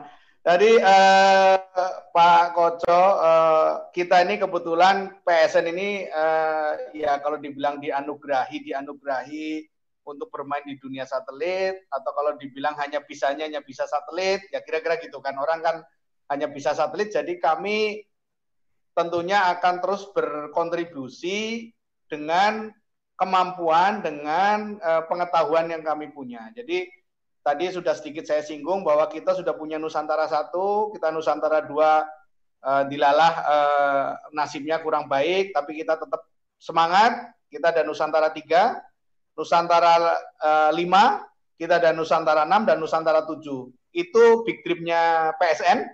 Jadi targetnya PSN ini nanti akan menjadi pemain terbesar untuk satelit bukan hanya di Indonesia, tapi di Asia Pasifik. Karena dengan dengan nanti semua program-program itu jalan, maka ini PSN akan menjadi penyedia broadband internet menggunakan satelit yang terbesar di Asia Pasifik. Jadi oh. eh, kami terinspirasi dari Mahapati Gajah Mada. Mahapati Gajah Mada sudah berhasil menyatukan Nusantara, maka PSN akan mencoba melebarkan sayapnya bukan hanya Nusantara, tapi juga mungkin Asia Pasifik. Jadi eh, kita sedang merancang uh, satelit yang cakupannya itu dari Thailand sampai ke uh, Pasifik, sampai ke uh, utara juga, Indochina dan semuanya. Dan kita lagi penjajakan juga ada beberapa rekanan-rekanan dari negara lain. Mohon doanya kita bisa mewujudkan mimpi itu, sehingga uh, kita bukan hanya jago kandang di Indonesia, tapi kita juga menjadi uh, pemain yang disegani di Asia Pasifik bahkan di dunia tapi tentunya kita akan tetap memprioritaskan untuk Indonesia. Jadi sebelum Pak Jokowi atau Pak Wapres punya cita-cita tol langit, istilah beliau, maka kita siap untuk mensupport tol langit tadi. Jadi apa pun ada yang berpendapat tol langit itu maksudnya apa? Kalau kami sangat paham, tol langit adalah bagaimana kita memberikan akses informasi, akses internet ke mana pun, di mana pun untuk masyarakat di seluruh Indonesia, di seluruh Nusantara. Bahkan kami sekarang melebarkan sayapnya untuk Asia Pasifik. Jadi di mana pun bisa melihat langit, maka di situlah orang akan mendapatkan akses internet yang sama dengan eh, rekan-rekan di tempat yang sudah maju. Jadi itu Pak Koco, mohon doanya. Uh, mudah-mudahan mimpi PSN bisa terlaksana. Oh, berarti ketemu ini jawabannya. Kenapa ada ada huruf P di depan SN gitu kan. Di depan satelit Nusantara ada P itu ternyata P-nya itu Pasifik dan kemudian akan menguasai belantara Pasifik ya Mas ya. Di siap. di siap. apa di di dunia internet ya Mas ya. Siap, siap. Siap. Oke, luar luar biasa ini apa uh, um, kita mendapatkan banyak pencerahan dan Uh, insya Allah dengan desa wifi PSN bicara Nusantaranya insya Allah akan selesai karena Alhamdulillah TV Desa uh, mampu menjadi media untuk bertemu para pihak. Artinya seperti yang kemarin kita sempat mempertemukan teman-teman dari apa Kementerian Dalam Negeri dengan apa satu platform aplikasi untuk teman-teman perangkat desa, kemudian apa sempat juga ada apa agenda-agenda uh, ketemu di forum kita. Kemudian terjadilah apa komitmen-komitmen untuk melakukan apa bisnis-bisnis lanjutan. Jadi luar biasa. Dan bumdes mas bumdes menurut saya adalah mesin ekonomi yang luar biasa. Jadi kalau dulu mungkin zamannya Bung Karno itu ada uh, ada konsep tentang benteng ekonomi, jadi pembatasan bisnis untuk teman-teman yang apa uh, bukan pribumi. Waktu itu kan ada konsep apa uh, ekonomi benteng itu kan teman-teman yang bukan pribumi tidak boleh melakukan bisnis apa di luar uh, wilayah ibu kota kecamatan. Artinya desa ini diprotek gitu kan. Nah sekarang proteksi-proteksi semacam itu mungkin nggak bisa dilakukan. Artinya karena memang dunia sudah sangat terbuka, borderless, kita sudah bahkan beberapa sudah tidak mengenali lagi wilayah-wilayah apa administratif negara dan seterusnya kan gitu mas secara kalau kalau sudah ngomong digital. Maka cara berpikir kita kemudian dibalik bukan kemudian membatasi orang untuk masuk tetapi bagaimana mendorong yang di yang di desa ini untuk kemudian bisa keluar bisa bisa apa bisa langsung berkomunikasi dengan pihak-pihak di luar. Ini yang yang menurut saya luar biasa ternyata apa orang-orang pendahulu-pendahulu kita itu cara pikirnya sudah sangat maju yang kadang-kadang kita agak sulit atau belum bisa memahami ide-idenya. Kira-kira gitu ya Mas ya. Jadi kalau dulu itu berpikir melindungi, sekarang ini kita justru uh, kita sudah nggak mungkin melakukan itu, globalisasi sudah nggak mungkin kita elakkan lagi, akses ke apa ke ke dunia lain juga sudah tidak bisa dielakkan lagi, maka yang menjadi utama sekarang adalah bagaimana membantu melakukan penguatan. Jadi ini uh, empowering dari teman-teman di desa ini menjadi menjadi kunci kayaknya untuk kemudian apa kita harus segera lakukan. Jadi itu itu itu apa bagian-bagian yang coba ah, kita lihat berkembang dalam diskusi kita. Mungkin teman-teman apa yang mengikuti ketika judulnya cerita di balik Hari Palapa kok ternyata ah, cerita apa bisnisnya TV Desa dan PSN saya tidak sedang menjebak untuk apa berbicara tentang tema atau judul, tetapi karena memang momentumnya, momentumnya Hari Palapa itu banyak yang tidak ingat lagi karena itu tahun 76 dan dan yang luar biasa hari ini kita mendapatkan satu apa, satu pandangan bahwa atau satu informasi bahwa oh ternyata Indonesia negara keempat yang punya satelit ini ini sangat luar biasa yang menurut menurut saya uh, tidak ada alasan untuk kita tidak menghormati apa pemimpin-pemimpin kita terdahulu. Karena ternyata mereka sudah berpikir jauh yang kita ini yang kadang-kadang sok pinter sok tahu kan gitu. Ya Mas Agus ya? Jadi kadang-kadang sok tahu terus suka menyalahkan ah dulu gini-gini padahal kita tidak ngerti apa ada apa di balik itu. Ada baru masuk ini apa uh, salah satu mentor saya ini Mas Agus, nah Mas Haji Martono. Ini salah satu mentor saya yang baru masuk. Saya nggak tahu mengikut sudah mengikuti dari YouTube kemudian pindah ke uh, Zoom meeting kita atau baru aja bergabung ke Zoom meeting kita. Tapi yang jelas Mas Haji Martono salah satu yang apa banyak memberikan dorongan untuk saya terus apa ya kalau bosok Jawa ini teman mas artinya tekun di wilayah urusan desa. Jadi dari 2014 aku aku apa apa intens di wilayah-wilayah desa gitu kan. Akhirnya uh, salah satu yang memberikan dorongan semangat saya Mas Haji Marton ini untuk uh, Mas tetaplah apa uh, komit untuk bicara desa karena pada saatnya memang uh, desa menjadi satu potensi yang apa bisa kita apa bisa kita jadikan lahan untuk kita apa uh, berkarya kan gitu. Mas Haji uh, monitor mungkin bisa memberikan apa ini tembak langsung baru masuk. Kalau Mas kalau Mas Haji memantau bisa langsung masuk monggo. Atau ada yang lain teman-teman yang di Zoom meeting akan apa memberikan sesuatu? Sebelumnya uh, sebelum sambil nunggu yang lain Mas Said Mulyono uh, ini yang nanti kita akan percayakan untuk membantu menangani apa uh, yang akan menangani uh, desa WiFi. Uh, monggo Mas Said bisa menam, apa, melakukan penampakan menampakkan diri supaya teman-teman juga kenal setidaknya say hello dan uh, nanti ada waktunya pasti salah satunya Mas Said yang akan banyak berkomunikasi dengan teman-teman di apa Kementerian Dalam Negeri, ke teman-teman BUMDes dan seterusnya. Silakan Mas Said. Ya, Assalamualaikum. Assalamualaikum warahmatullahi wabarakatuh. Salam sejahtera. Itu ada dua aktif, yang satu dimatiin dulu kayaknya mungkin. Ah, si okay. Ahmed. Ya, oke. Okay. Ahmed, tolong matikan. Salam ya. kenal kepada seluruhnya.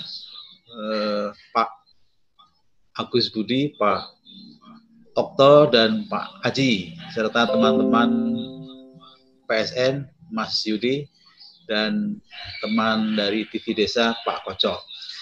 Sebetulnya secara umum sudah cukup lengkap dijelaskan oleh Pak Agus Budi tentang uh, wifi desa ini, namun ada beberapa hal yang mungkin bisa sedikit saya tambahkan. Konteks kaitannya kira-kira manfaat atau apa yang harus disiapkan oleh uh, desa dalam hal ini atau wifi desa agar supaya akses internet ini bisa dengan mudah dilaksanakan. Yang pertama tentu eh, beberapa hal yang perlu dipersiapkan adalah ini langsung langsung mungkin langsung ke teknis saja barangkali ya. Jadi eh, misalnya ya, misalnya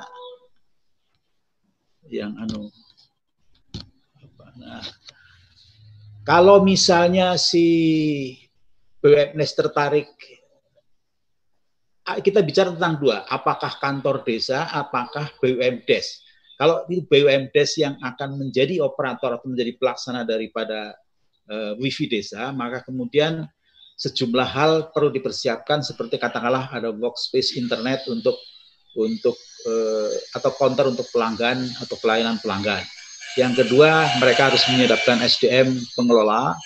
Lalu ada yang ketiga, mereka harus menyiapkan biaya investasi ya kurang lebih uh, kalau dibulatkan sekitar sekitar 15 juta lah kurang lebih untuk satu. Tapi nanti ini angka ini tentu uh, tergantung perkembangan dan situasi. Tetapi untuk saat ini sekitar itu. Lalu uh, apa namanya nanti ada tambahan juga bahwa untuk kebutuhan listrik yang berada di luar jangkauan PLN nanti kita akan bekerja sama antara TV desa bersama dengan penyedia eh, apa namanya penyedia solar panel untuk bisa mensupport sehingga kegiatan eh, desa wifi bisa berjalan dengan baik. Eh, itu kira-kira apa-apa yang harus dipersiapkan oleh BUMDes atau eh, kantor desa untuk bisa mengakses desa wifi. Selanjutnya apa kira-kira eh, manfaat yang akan diperoleh oleh BUMDes atau desa itu sendiri. Jadi manfaat yang bisa diperoleh oleh BUMDes atau desa itu adalah tentu dari margin keuntungan yang tadi telah dijelaskan oleh Pak Agus Budi, terus kemudian ada diskon harga voucher, lalu kemudian yang paling penting adalah training SDM atau operator, untuk baik itu untuk operator eh, peralatan maupun untuk tadi dikatakan bahwa Eh, PSN memberikan pelatihan-pelatihan untuk untuk me, apa, menghandle perawatan gitu ya.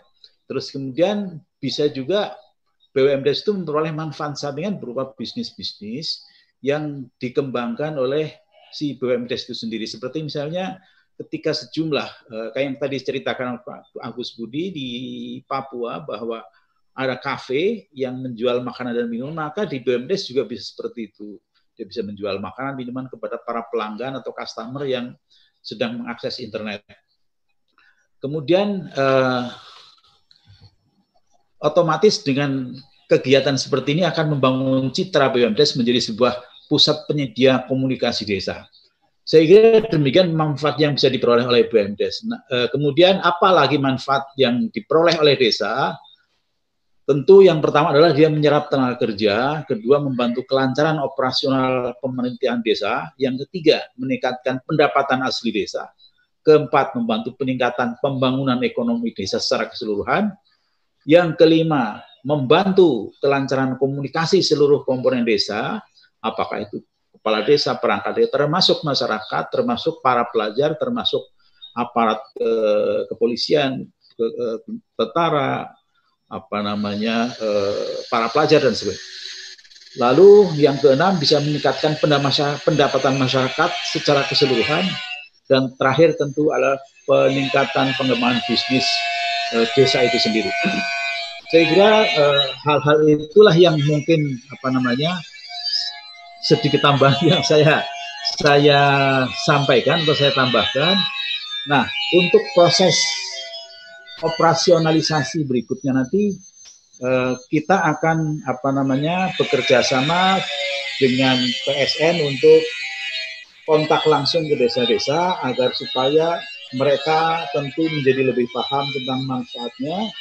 Eh, kita akan memperbanyak sebanyak mungkin sosialisasi atau diseminasi informasi dan kemanfaatan dari dari desa ini agar supaya uh, bisa memberikan manfaat yang seluas-luasnya bagi bagi uh, pembangunan di desa itu sendiri. Saya kira demikian. Nah, kontak person itu sudah kita cantumkan di apa namanya di di uh, makalah kita atau di nanti di marketing kit kita ke desa-desa ada kontak person yang sudah kita siapkan untuk itu. Saya kira yang yang biasa nanti kita akan cantumkan nomor telepon yang bisa diakses untuk eh, apa namanya seluruh para peminat.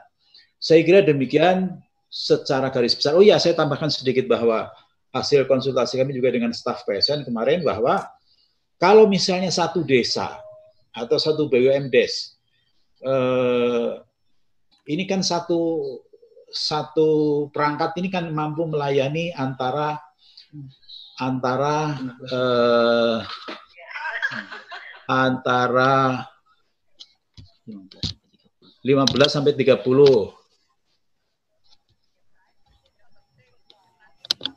satu perangkat ini kan bisa melayani antara 15 sampai 30 orang. Sehingga kalau misalnya satu kantor desa atau satu kantor BUMDes misalnya menginginkan agar supaya pagi sampai sore bisa tetap aktif melayani masyarakat, maka mungkin dia bisa pasang dua atau tiga alat. Saya kira demikian Pak Agus ya. Jadi bisa pasang dua atau tiga alat sehingga yang satu alat khusus misalnya pelayanan untuk uh, pemerintahan desa, lalu yang uh, dua dan tiga alat berikutnya khusus untuk pelayanan masyarakat yang lain. Saya kira seperti itu. Sehingga kegiatan bisnis dari pagi sampai sore tetap berjalan, pemerintahan desa juga uh, tetap jalan. Jadi pada saat menjelang siang atau menjelang sore ketika kantor tutup, kemudian aksesnya bisa bertambah dengan alat yang tadi pagi dipakai oleh pemerintah desa. Saya kira demikian. Dan itu angka angka investasi itu kalau kalau bagi desa, apalagi tadi diceritakan oleh Pak, Pak, Pak Agus Budi bahwa satu titik di Papua saja refillnya bisa sampai 40 juta ini untuk satu investasi bisa udah tiga, tiga, tiga alat ini. Bisa tiga alat sudah sudah bisa mampu mengcover antara eh, uh, 45 sampai sampai sampai 90 orang begitu saya kira begitu. Saya kira demikian tambahan dari saya mohon dikoreksi Pak Agus kalau ada kesalahan. Uh, sudah tepat Pak Sahid, sudah, yeah. sudah tepat sekali. Jadi uh, uh, bi, bi, uh, itu alat yang kita sampaikan adalah yang paket standar ya. Jadi sebenarnya bisa hmm. juga nanti kalau alat wifi-nya itu diganti dengan yang lebih powerful, tapi tentunya ada investasi yang lebih lebih itu bisa juga lebih banyak yang bisa uh, secara simultan yang makainya. Tapi uh, saya rasa kalau misalnya di desa itu kita harus lihat luasan desanya seberapa jauh gitu kan. Karena ini titiknya misalnya dipasang di kantor desa, tapi mungkin kalau ada di desa yang sama mungkin ada jarak 2 kilo orangnya malas untuk bergerak bisa juga kita create another kita buat another apa ada satu lagi di titik itu. Dan tadi di Pak Koco menyampaikan sangat bagus ya bahwa desanya di, di pusat itu bisa menjadi pusat keramaian itu juga salah satu sarana juga kalau misalnya uh, diberikan bimbingan-bimbingan yang lain ya secara offline maksud saya itu itu sangat hmm. mungkin karena internet kan sekarang jadi daya tarik nih orang kayaknya sekarang uh, kalau kalau mendingan dapat akses internet beli kuota daripada uh, mungkin uh, beli yang lain gitu. Nah itu kalau ada jadi uh, apa magnet untuk masyarakat berkumpul itu bagus juga untuk di desa itu bisa menjadi uh, apa kita create another atau uh, kita create bisnis-bisnis baru atau penyuluh penyuluhan penyuluhan baru gitu. Tapi yang dijelaskan Pak Said tadi udah udah sangat benar lah. Tidak ada yang perlu dikoreksi Pak. Oke, Mas Mas Agus, uh, uh, saya sempat uh, di di salah satu forum apa uh, kebetulan TV Desa juga mensupport satu program Akademi Desa punya apa teman-teman dari Kementerian apa Kementerian Desa. Kita pernah melakukan apa live interaktif dengan teman yang ada di Tasik kalau nggak salah waktu itu. Uh, di Tasik. Uh, kemudian yang menarik adalah uh, di BUMDes itu juga mengembangkan satu apa uh, menempatkan satu tower yang kemudian bisa dimanfaatkan dalam radius tertentu. Nah, uh, di samping yang tadi standar untuk keperluan kantor dan kemudian apa di lingkungan apa di lingkungan kafe atau di lingkungan warung atau toko dari apa teman-teman di desa apakah juga di apa dimungkinkan apa desa wifi ini juga eh, model-model yang seperti itu pada satu titik tertentu dengan radius mungkin 100 meter atau apa rumah-rumah di sekitar situ otomatis apa mengakses wifi-nya. Karena kalau malam-malam ngumpul di kantor desa mau sampai subuh kan nggak mungkin juga gitu kan ngeri-ngeri sedap juga gitu kan. Orang orang tua yang punya anak-anak gadis alasannya ke kantor desa cuma mau internetan tapi pulang jam satu kan malah kita juga menjadi bagian yang apa membangun potensi rusuh juga gitu kan. Nah, ada nggak pola-pola seperti itu yang bisa kita kembangkan, Mas Agus? Ada, ada Pak Kocok. Jadi uh, ini kan kita uh, produk ini kan produk yang sangat standar dan sangat sederhana. Jadi uh, kita justru sangat tertarik untuk juga mengembangkan hal lain dengan BUMDes, misalnya hmm. mau mengembangkan semacam RT RWNet ya. Jadi misalnya hmm. itu di desa itu bisa kita bangun apakah dengan menggunakan wifi yang di-extend sampai ke rumah-rumah atau akan menggunakan kabel yang juga didistribusikan ke rumah-rumah. Intinya PSN adalah perusahaan satelit yang siap memberikan akses di mana pun di seluruh wilayah Nusantara. Jadi kami siap mengedrop bandwidth di mana pun. Siapa yang butuh bandwidth iya. kita drop, Hmm. Silakan disebarkan, mau disebarkan ke rumah-rumah, mau disebarkan lewat uh, eh, RT RW net, lewat WiFi atau lewat kabel, kita siap untuk kerjasama, Pak Koco. Artinya, artinya tol langit desa Indonesia ini bisa sampai ke rumah-rumah, bisa istilahnya kalau kita membayangkan jalan tol konvensional yang kita apa pakai itu, siapa pun kemudian bisa membuat apa eh, exit untuk kemudian di titik-titik itu dia mengembangkan bisnis-bisnis lanjutannya. Kira-kira kayak gitu Mas ya. Bayangannya ya, persis, ya. Persis. Ini kan kira-kira kayak pemerintah bangun jalan tol Jakarta Surabaya, tapi kan bagaimana ya. uh, masyarakat mengakses dari dari rumah ke jalan tol itu, Mas. Jadi ya. itu bisa seperti seperti itu. Kita adalah jalan tolnya, nah bagaimana jalan arterinya Ya ayo sama-sama kita bangun. Termasuk masalah kelistrikan. Kita hmm. kita karena mengalami beberapa pengalaman bahwa oh ternyata setelah internetnya siap, listriknya belum siap. Kita bisa nanti ngobrol dengan BUMDes, hmm. bagaimana kita menyiapkan semacam uh, ya kayak PLN-nya lah. Sepanjang kita tentu harus ngikutin regulasi-regulasi dari pemerintah, gitu Mas hmm. Pak Koto. Jadi misalnya kita ada kemarin kita ada ada studi tentang kayak power bank lah kayak kayak kita punya apa sih power bank handphone gitu kan? ya. kan kan sama aja sebenarnya kan ya jadi, jadi power bank itu pada saat tertentu dipakai betul. saat berikutnya gitu ya betul nah itu kalau desa yang belum ada listriknya kalau kita sama bumdes bisa kita kembangkan di di desa itu kita ada solar panel besar kemudian atau genset nah kemudian kita distribusikan ke rumah-rumah kita pasangin rumah itu misalnya hanya jatahnya 100 watt misalnya. Hmm. Untuk lampu hmm. LED saya rasa lampu 5 watt kalau di desa 4 biji udah cukup terang benderang tuh Mas. Nah, juga ya. sekaligus kita nyebarkan internet ke rumah-rumah. Itu sangat mungkin Pak Koco. Jadi jadi uh, uh, sangat mungkin yang tadi disampaikan Pak Koco sangat mungkin. Gitu. Dan okay. dan kita sudah punya pengalaman, kita sudah punya pengalaman dengan panel kita waktu itu di Ambon.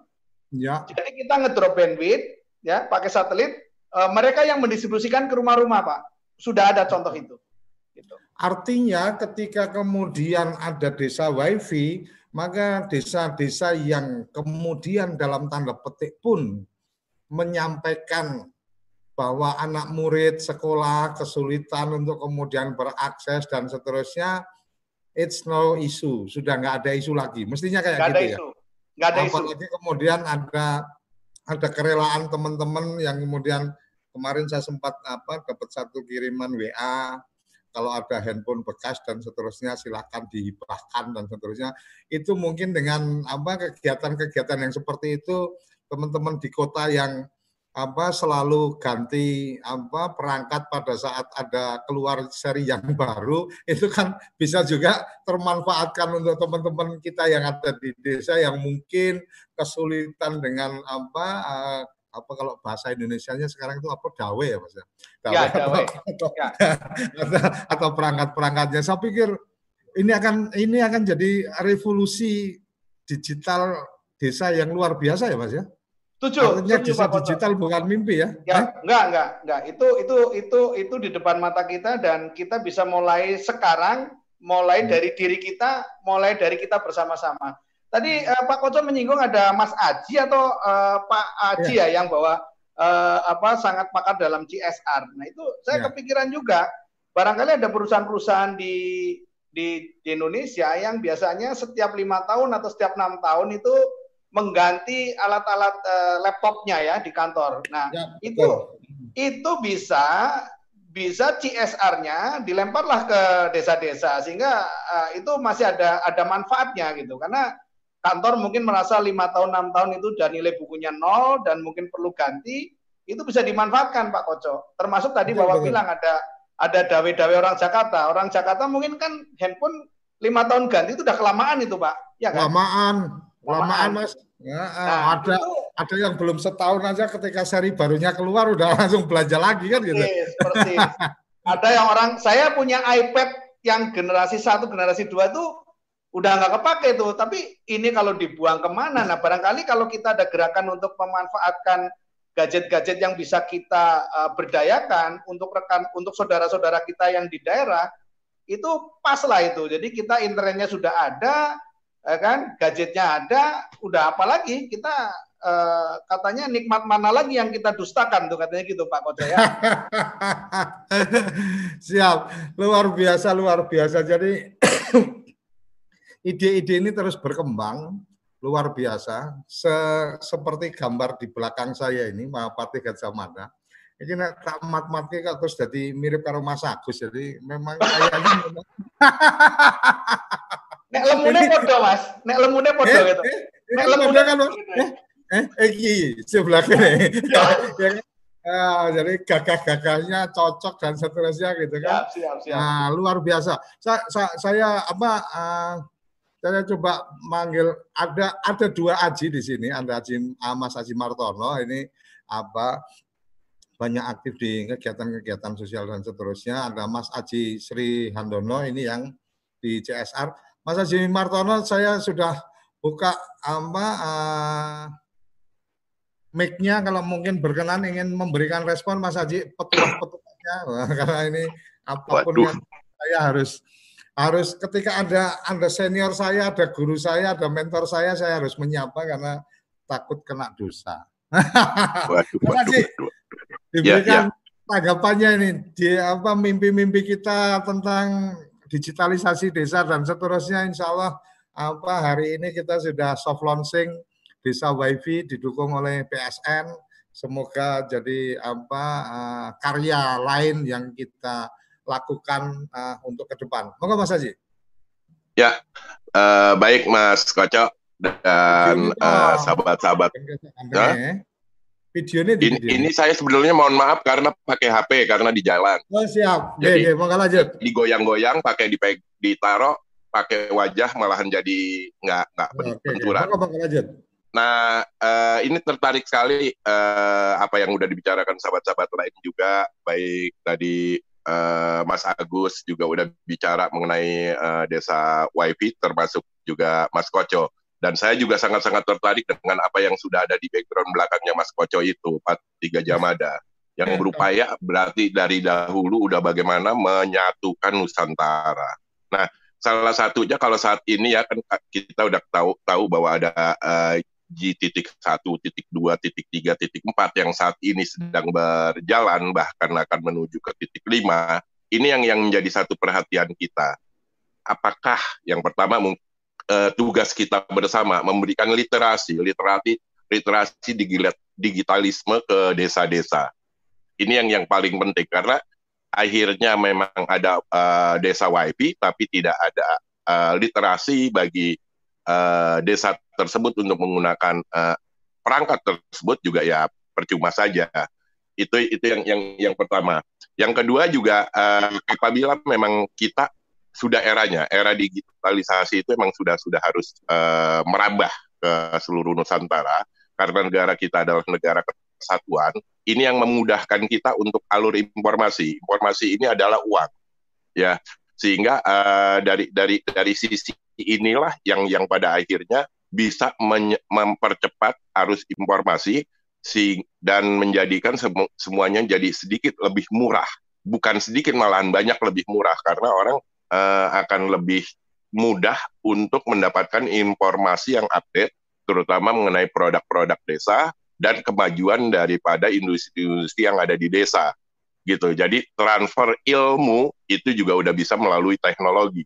Itu Selanjutnya mungkin Mas Koco yang yang yang yang sangat menarik apabila memang ini sudah diterapkan. Saya terima kasih juga itu misalnya uh, Mas Agus juga bisa mentransformasi ini semua ke seluruh desa di Nusantara, uh, di mana uh, ini yang menjadikan daya tarik juga bagi desa-desa itu menjadikan uh, satu desa wisata. Karena kalau misalnya kita sandingkan dengan adanya dana desa, dana desa tersebut dialirkan ke BU apa ke BUMDes. Nah, BUMDes inilah yang mendaya gunakan selain kantor desa uh, teknologi ini. Mereka bagaimana bisa melek ya, mendapatkan literasi yang benar dan memberikan pencerahan kepada warga desanya sehingga uh, tidak ada perbedaan lagi, tidak ada jarak lagi antara desa dan kota. Gitu sehingga bagaimana uh, kalau sekarang mungkin uh, orang yang yang di kota yang akan kesulitan udah makin tertarik apabila teknologi ini juga dilakukan di desa. Sehingga mereka juga akan ngapain ya di kota ini sumur uh, itu apa tuh Mas Koco?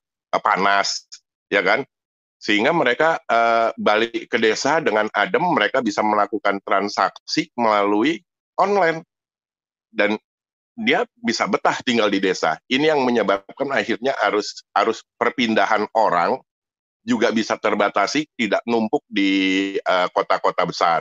Sehingga sepanjang desa ini juga bisa berinteraksi dengan dunia luar. Nah, yang menyebabkan perpindahan orang ini, ya kan, uh, dikarenakan tidak adanya informasi yang yang genah, yang yang baik di desa tersebut sehingga orang beramai-ramai untuk mencari sesuatu itu di uh, kota yang dianggapnya semuanya lebih lengkap terutama alur teknologi itu. Nah, kalau misalnya ini baru yang sudah dijalankan oleh pemerintah saat ini yaitu infrastruktur ini bisa berguna kalau enggak karena udah ada infrastruktur orang makin gampang aja kan pindahnya. Bagaimana uh, teknologi ini dibaurkan dengan apa yang sudah dilakukan oleh pemerintah saat ini? Infrastruktur. Ini dijadikan lahan bagaimana bisa memindahkan barang dengan cepat. Yang dengan aturan karena barang tersebut bisa langsung didapatkan dari desa itu sendiri. Itu dari sisi bisnis nah itu. Dan yang terakhir yang tertarik saya ada apa yang di tadi ada mengenai CSR nanti mungkin Mas Aji Mas Aji yang lain yang akan bicara. Di sini memang baik. Dan eh, BUMN di sini juga bagaimana akhirnya juga bisa hadir untuk negeri. Kan uh, jargonnya itu Mas Koco. BUMN hadir untuk negeri. Nah bagaimana mereka untuk hadir? Ya akhirnya untuk Telkom misalnya ini juga bisa memberikan satu fasilitas bagi uh, desa gitu jadi uh, kalau misalnya pas RUPS atau apa gitu pembagian dividennya ini tidak serta merta seluruhnya diberikan kepada pemegang saham tetapi juga bagaimana bisa disisihkan uh, sampai lima persen itu untuk keperluan pembangunan desa. Ini ini yang yang yang juga menarik sehingga support antara uh, eh, BUMN ini bisa mempercepat uh, alur teknologi dan literasi daripada teknologi itu sendiri. Selain CSR yang diambil dari perusahaan-perusahaan besar swasta. Memang di setiap perusahaan swasta itu penggunaan teknologi itu biasanya 4 sampai 5 tahun saja. Setelah harga uh, perolehannya itu nol, di harga bukunya nol, mereka biasanya mengupgrade uh, data-data atau komputer-komputernya atau apa pun barang-barangnya itu atau bahkan dibuang karena nilainya sudah nol. Nah ini bagaimana juga bisa akhirnya dihibahkan ke desa-desa yang mungkin uh, masih membutuhkan. Ini yang uh, ide-ide menarik sehingga substitusi antara swasta dan pemerintah juga bisa berjalan.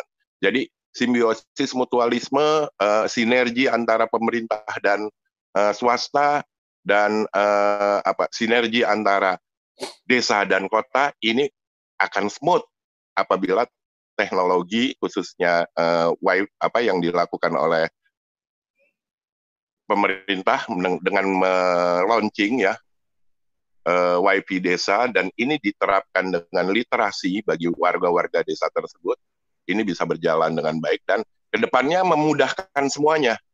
Proses acara lima tahunan uh, demo, acara demokrasi itu akan lebih mudah Ya kalau kemarin misalnya ada gitu terus sensus penduduk akan lebih mudah semuanya. Jadi semuanya akan lebih mudah, semuanya akan lebih cepat dan lebih update sehingga uh, celah untuk meng, apa mengklaim data yang benar itu udah tidak karena udah di satu atap dan melalui teknologi semuanya bisa dimasukkan ke dalam server server yang ada di Jakarta. Misalnya uh, di BPS ya BPS-nya cukup satu, mereka semuanya sharing atau eh, apa kalau di yang ini penduduk juga cuma satu di Depdagri. Nah itu itu itu itu jadi angkanya cuma satu yang akan keluar tidak banyak banyak lagi kalau sekarang kan gamang kita banyak angka yang keluar sehingga kita menggunakan mana yang tepat juga nggak nggak nggak nggak ngerti karena semuanya beda itu mungkin Mas Mas Koco saya sangat sangat okay. salut dengan keluarnya WiFi desa tersebut. Oke. Okay. Terima kasih Mas Haji. Ini salah satu mentor saya juga sudah bergabung Mas Wahyu Prasetyo. Ini Mas Wahyu ini salah satu yang banyak apa berkegiatan dengan apa bersentuhan juga dengan teknologi kemudian apa uh, aktif juga apa sekarang di kegiatan-kegiatan untuk apa pemberdayaan UMKM uh, ada beberapa ide yang tadi sudah terlontar. Sepertinya Mas Wahyu juga sempat mengikuti sebelum ke uh, saya minta izin dulu. Sebelum ke Mas Agus uh, saya berikan ke Mas Wahyu dulu ya. Mas Agus ya. Mas Wahyu. uh, ini salah satu apa uh, senior hebat saya. Uh, dulu juga di teknologi apa uh, komunikasi. Jadi kayaknya nyambung ini sama Mas Agus juga. Monggo Selamat pagi, uh, assalamualaikum buat semua. Yeah. Uh, terima kasih, anu Mas Kocok. Uh, saya sebenarnya dari tadi pagi mau apa gabung tapi baru sempat jam 10-an tadi agak terlambat tapi kayaknya pas waktu masuk eh, bahasannya tadi pas saya pas mendengarkan eh, banyak tuh Mas Agus dari PSN ya dan Mas Syahid tadi eh, eh, hal yang sangat menarik buat saya adalah eh, soal internet untuk eh, semua orang gitu kan. Jadi saya kira-kira hampir 10 tahun yang lalu sempat eh, berhubungan dengan Prof eh, Prof siapa ya namanya Prof Yohanes atau siapa namanya yang dia ber beride untuk membuat eh, laptop satu juta. Nah itu eh, sempat mau saya uh, aplikasikan di sebuah uh, kabupaten di tengah-tengah Sumatera sana. Tapi waktu itu kemudian belum belum berhasil waktu itu. Uh, yang menarik lagi kalau menurut saya kalau misalnya benar tadi kata Mas Agus ya dari PSN kalau misalnya PSN siap membantu untuk menempatkan uh, wifi di mana pun gitu ya. Uh, mungkin nanti saya akan coba berbicara dengan eh, teman-teman uh, untuk mengolah nih mas, bagaimana cara pendanaannya, kemudian meng uh, apa uh, istilahnya menyambungkan uh, wifi itu ke uh, tempat lain gitu ya. Uh, kan sekarang teknologinya sebenarnya sudah sudah uh, murah menurut saya, harusnya sudah murah. Uh, saya kira itu saja. Uh, kemudian menyambung tadi mengenai masalah uh, eh, GSR. saya kira betul sekali eh, kalau saya kebetulan dulu selama hampir 16 tahun kerja di perusahaan-perusahaan asing gitu ya. Memang eh, apa perputaran masalah eh, komputer itu tidak tidak kurang dari tiga tahun mas bahkan dua tahun eh, biasanya sudah harus diganti. Nah kecenderungannya waktu itu kan memang kita kalau perusahaan besar itu belinya bukan beli uh, putus tapi beli leasing gitu. Nah, tapi balik lagi barang yang kita kembalikan sebenarnya juga mereka nggak uh, nggak ke mana-manain gitu. Uh, ini kasus nyata, kasus nyata. Waktu ada saya terakhir di Motorola, uh, Mas. Jadi waktu Motorola uh, kehilangan bisnis opportunity-nya di network, itu ada waktu itu ada ratusan laptop dan komputer ya akhirnya eh, dongkrok begini saja. Saya nggak tahu eh, pada ke mana itu. Tapi memang dikembalikan sudah udah nggak ada nilainya, kemudian eh, nggak ada yang eh, yang ngurusin. Nah, ini mungkin perusahaan-perusahaan besar nanti eh, bisa lah kita eh, apa gerakkan. Kita mungkin bisa juga eh, lewat sekarang kan ada tuh kita bisa.com dan eh, yang semacam itu. Saya kira kalau gerakan eh, ini kita masifkan dengan dibantu PSN, TV Desa dan teman-teman yang lain di sini, saya yakin ini bisa bisa berjalan. Segitu aja Mas. Oh ya, saya anu Mas eh, ada satu kenal nih dengan eh, di PSN namanya Mas Bimo. Saya kurang tahu sekarang ada di, masih ada di sana tidak. Matur nuwun. Eh, salam, Oke. selamat pagi. Terima kasih, luar biasa ini apa uh, senior-senior saya, apa mentor-mentor saya pada bergabung. Ini salah satu kebahagiaan saya, Mas Agus, uh, punya program acara ini pada saat ada ada mentor-mentor, ada pembimbing-pembimbing saya ini apa ikut gabung itu uh, biasanya saya tembak langsung untuk memberikan statement atau memberikan tanggapan. Moga Mas Agus, waktu nggak terasa dua jam kita itu tinggal lima menit gitu kan. Jadi setelah kita tengok oh ternyata sudah 10.55 berarti tinggal 5 menit. Mas Agus uh, respon dari uh, Mas Aji, respon dari Mas Wahyu dan apa saya merasa ada energi baru lagi untuk kita mungkin sisi bisnis tetap uh, berjalan karena memang kita sedang berbisnis, tetapi ada sisi-sisi apa sosial gerakan-gerakan yang harus mungkin kita juga lakukan. Salah satunya adalah ketika relasi-relasi kita ada di perusahaan-perusahaan besar maka mungkin apa sekedar announce ke mereka kalau ada perangkat-perangkat komputer yang mereka sudah tidak pakai lagi daripada dibuang ke tempat sampah atau di apa dilelang dengan nilai yang tidak membuat apa perusahaan tambah kaya gitu kan kan mending dihibahkan untuk kemudian jadi jariah untuk selama perangkat itu dipakai. Monggo Mas Agus. Makasih Pak. Saya saya hari ini bahagia sekali, bersyukur sekali, beruntung sekali bahwa bisa diundang di sini Pak Koco, ketemu dengan bapak-bapak yang baik-baik semuanya, yang bukan hanya memikirkan diri sendiri, memikirkan bangsa juga, memikirkan saudara-saudara kita di tempat lain. Tadi ada Pak Haji Martono, salam kenal Pak. Mungkin nanti uh, hari lain saya sowan ke Bapak biar tambah ilmu katanya. Kalau ada senior tuh kita harus sowan, soalnya kalau enggak ilmunya nanti luntur kita, Mas Koco. harus, harus, harus, harus berhadapan langsung supaya transfer knowledge-nya dapat ya, Mas ya.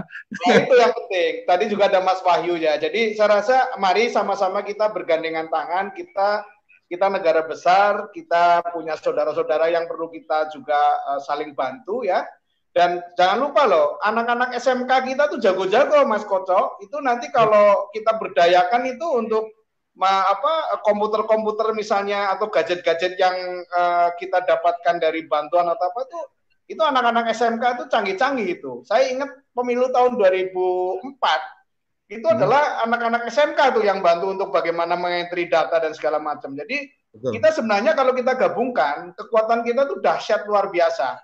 Dan ya. alhamdulillah hari ini kita ketemu dengan orang uh, saya khususnya beruntung ketemu dengan bapak-bapak yang hebat-hebat ini.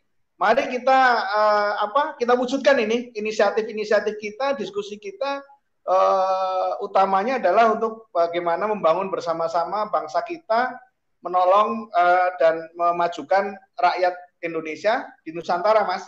Alhamdulillah saya PSN siap lah untuk untuk untuk uh, urun rembuk maupun uh, apa yang bisa kita kerjakan bersama-sama.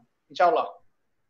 Oke, terima kasih. Jadi mungkin karena memang juga waktu waktu kita, jadi mungkin tadi yang disampaikan Mas Agus, saya mungkin bisa uh, sampaikan sebagai bagian dari closing statement. Jadi luar biasa Mas Agus, saya juga matur nuwun sekali berkenan untuk teman-teman PSN bergabung dan terima kasih luar biasa karena diberikan kesempatan kita untuk bisa bersinergi bisnis dan apa sinergi uh, kegiatan untuk uh, pemberdayaan desa-desa, penguatan desa-desa karena memang semangat yang kita bawa dalam Kepoin Desa dan semangat yang dibawa oleh TV Desa berikut dengan perusahaan kita Kinaria Desa Raja itu adalah bekerja untuk uh, jadi nama itu kan mengandung makna kan ya Mas Agus ya. Jadi ketika Kinaria Desa Raja maka uh, bahasanya adalah bekerja untuk mensejahterakan desa. Ini apa semangat yang kita bawa oleh karenanya kita uh, selalu apa mencoba untuk melakukan konektivitas potensi-potensi yang bisa kita kerjakan dan dalam konteks media kita juga melakukan apa uh, jaringan sindikasi dengan teman-teman media. Jadi teman-teman di media lokal beberapa sudah menjadi apa uh, partner kita untuk mengembangkan konten-konten lokal supaya bisa naik ke satelit ya berhubungan atau uh, berkolaborasi atau bersindikasi dengan TV desa. Jadi uh, kita pun juga mendapatkan manfaat karena apa? Karena ada pembelajaran-pembelajaran di tingkat lokal yang itu apa bisa kita siarkan menjadi lebih luas. Tepat 11.00 saya harus mengakhiri pertemuan ini. Terima kasih luar biasa untuk uh, Mas Agus dan teman-teman PSN Terima kasih untuk senior-senior saya yang sudah apa ikut hadir, mentor-mentor saya yang sudah ikut hadir di Zoom meeting kali ini. Hal yang uh, kita catat hari ini adalah kita melakukan peluncuran awal atau soft launching dari Desa WiFi. Desa WiFi bisa di apa akses informasi bisa diakses melalui website kita desawifi.id dan untuk informasi-informasi dalam bentuk audio visual bisa dilihat uh, di channel YouTube Desa WiFi dan jangan lupa teman-teman apa kerabat desa untuk subscribe uh, channel YouTube uh, TV Desa karena dengan melakukan subscribe memberikan apa menekan tanda loncengnya maka otomatis acara-acara yang akan digelar itu akan uh, teman uh, kerabat akan mendapatkan notifikasinya sehingga ketika tematiknya cocok, maka uh, tidak akan ketinggalan untuk bisa bergabung dalam uh, Zoom meeting yang uh, kita buka. Sampai di sini, sampai ketemu di Kepoin Desa berikutnya, edisi berikutnya, luar biasa, spesial hari ini, dua jam tidak terasa, karena ketemu dengan orang-orang hebat peduli desa. Salam bahagia kerabat desa Indonesia. Terima kasih.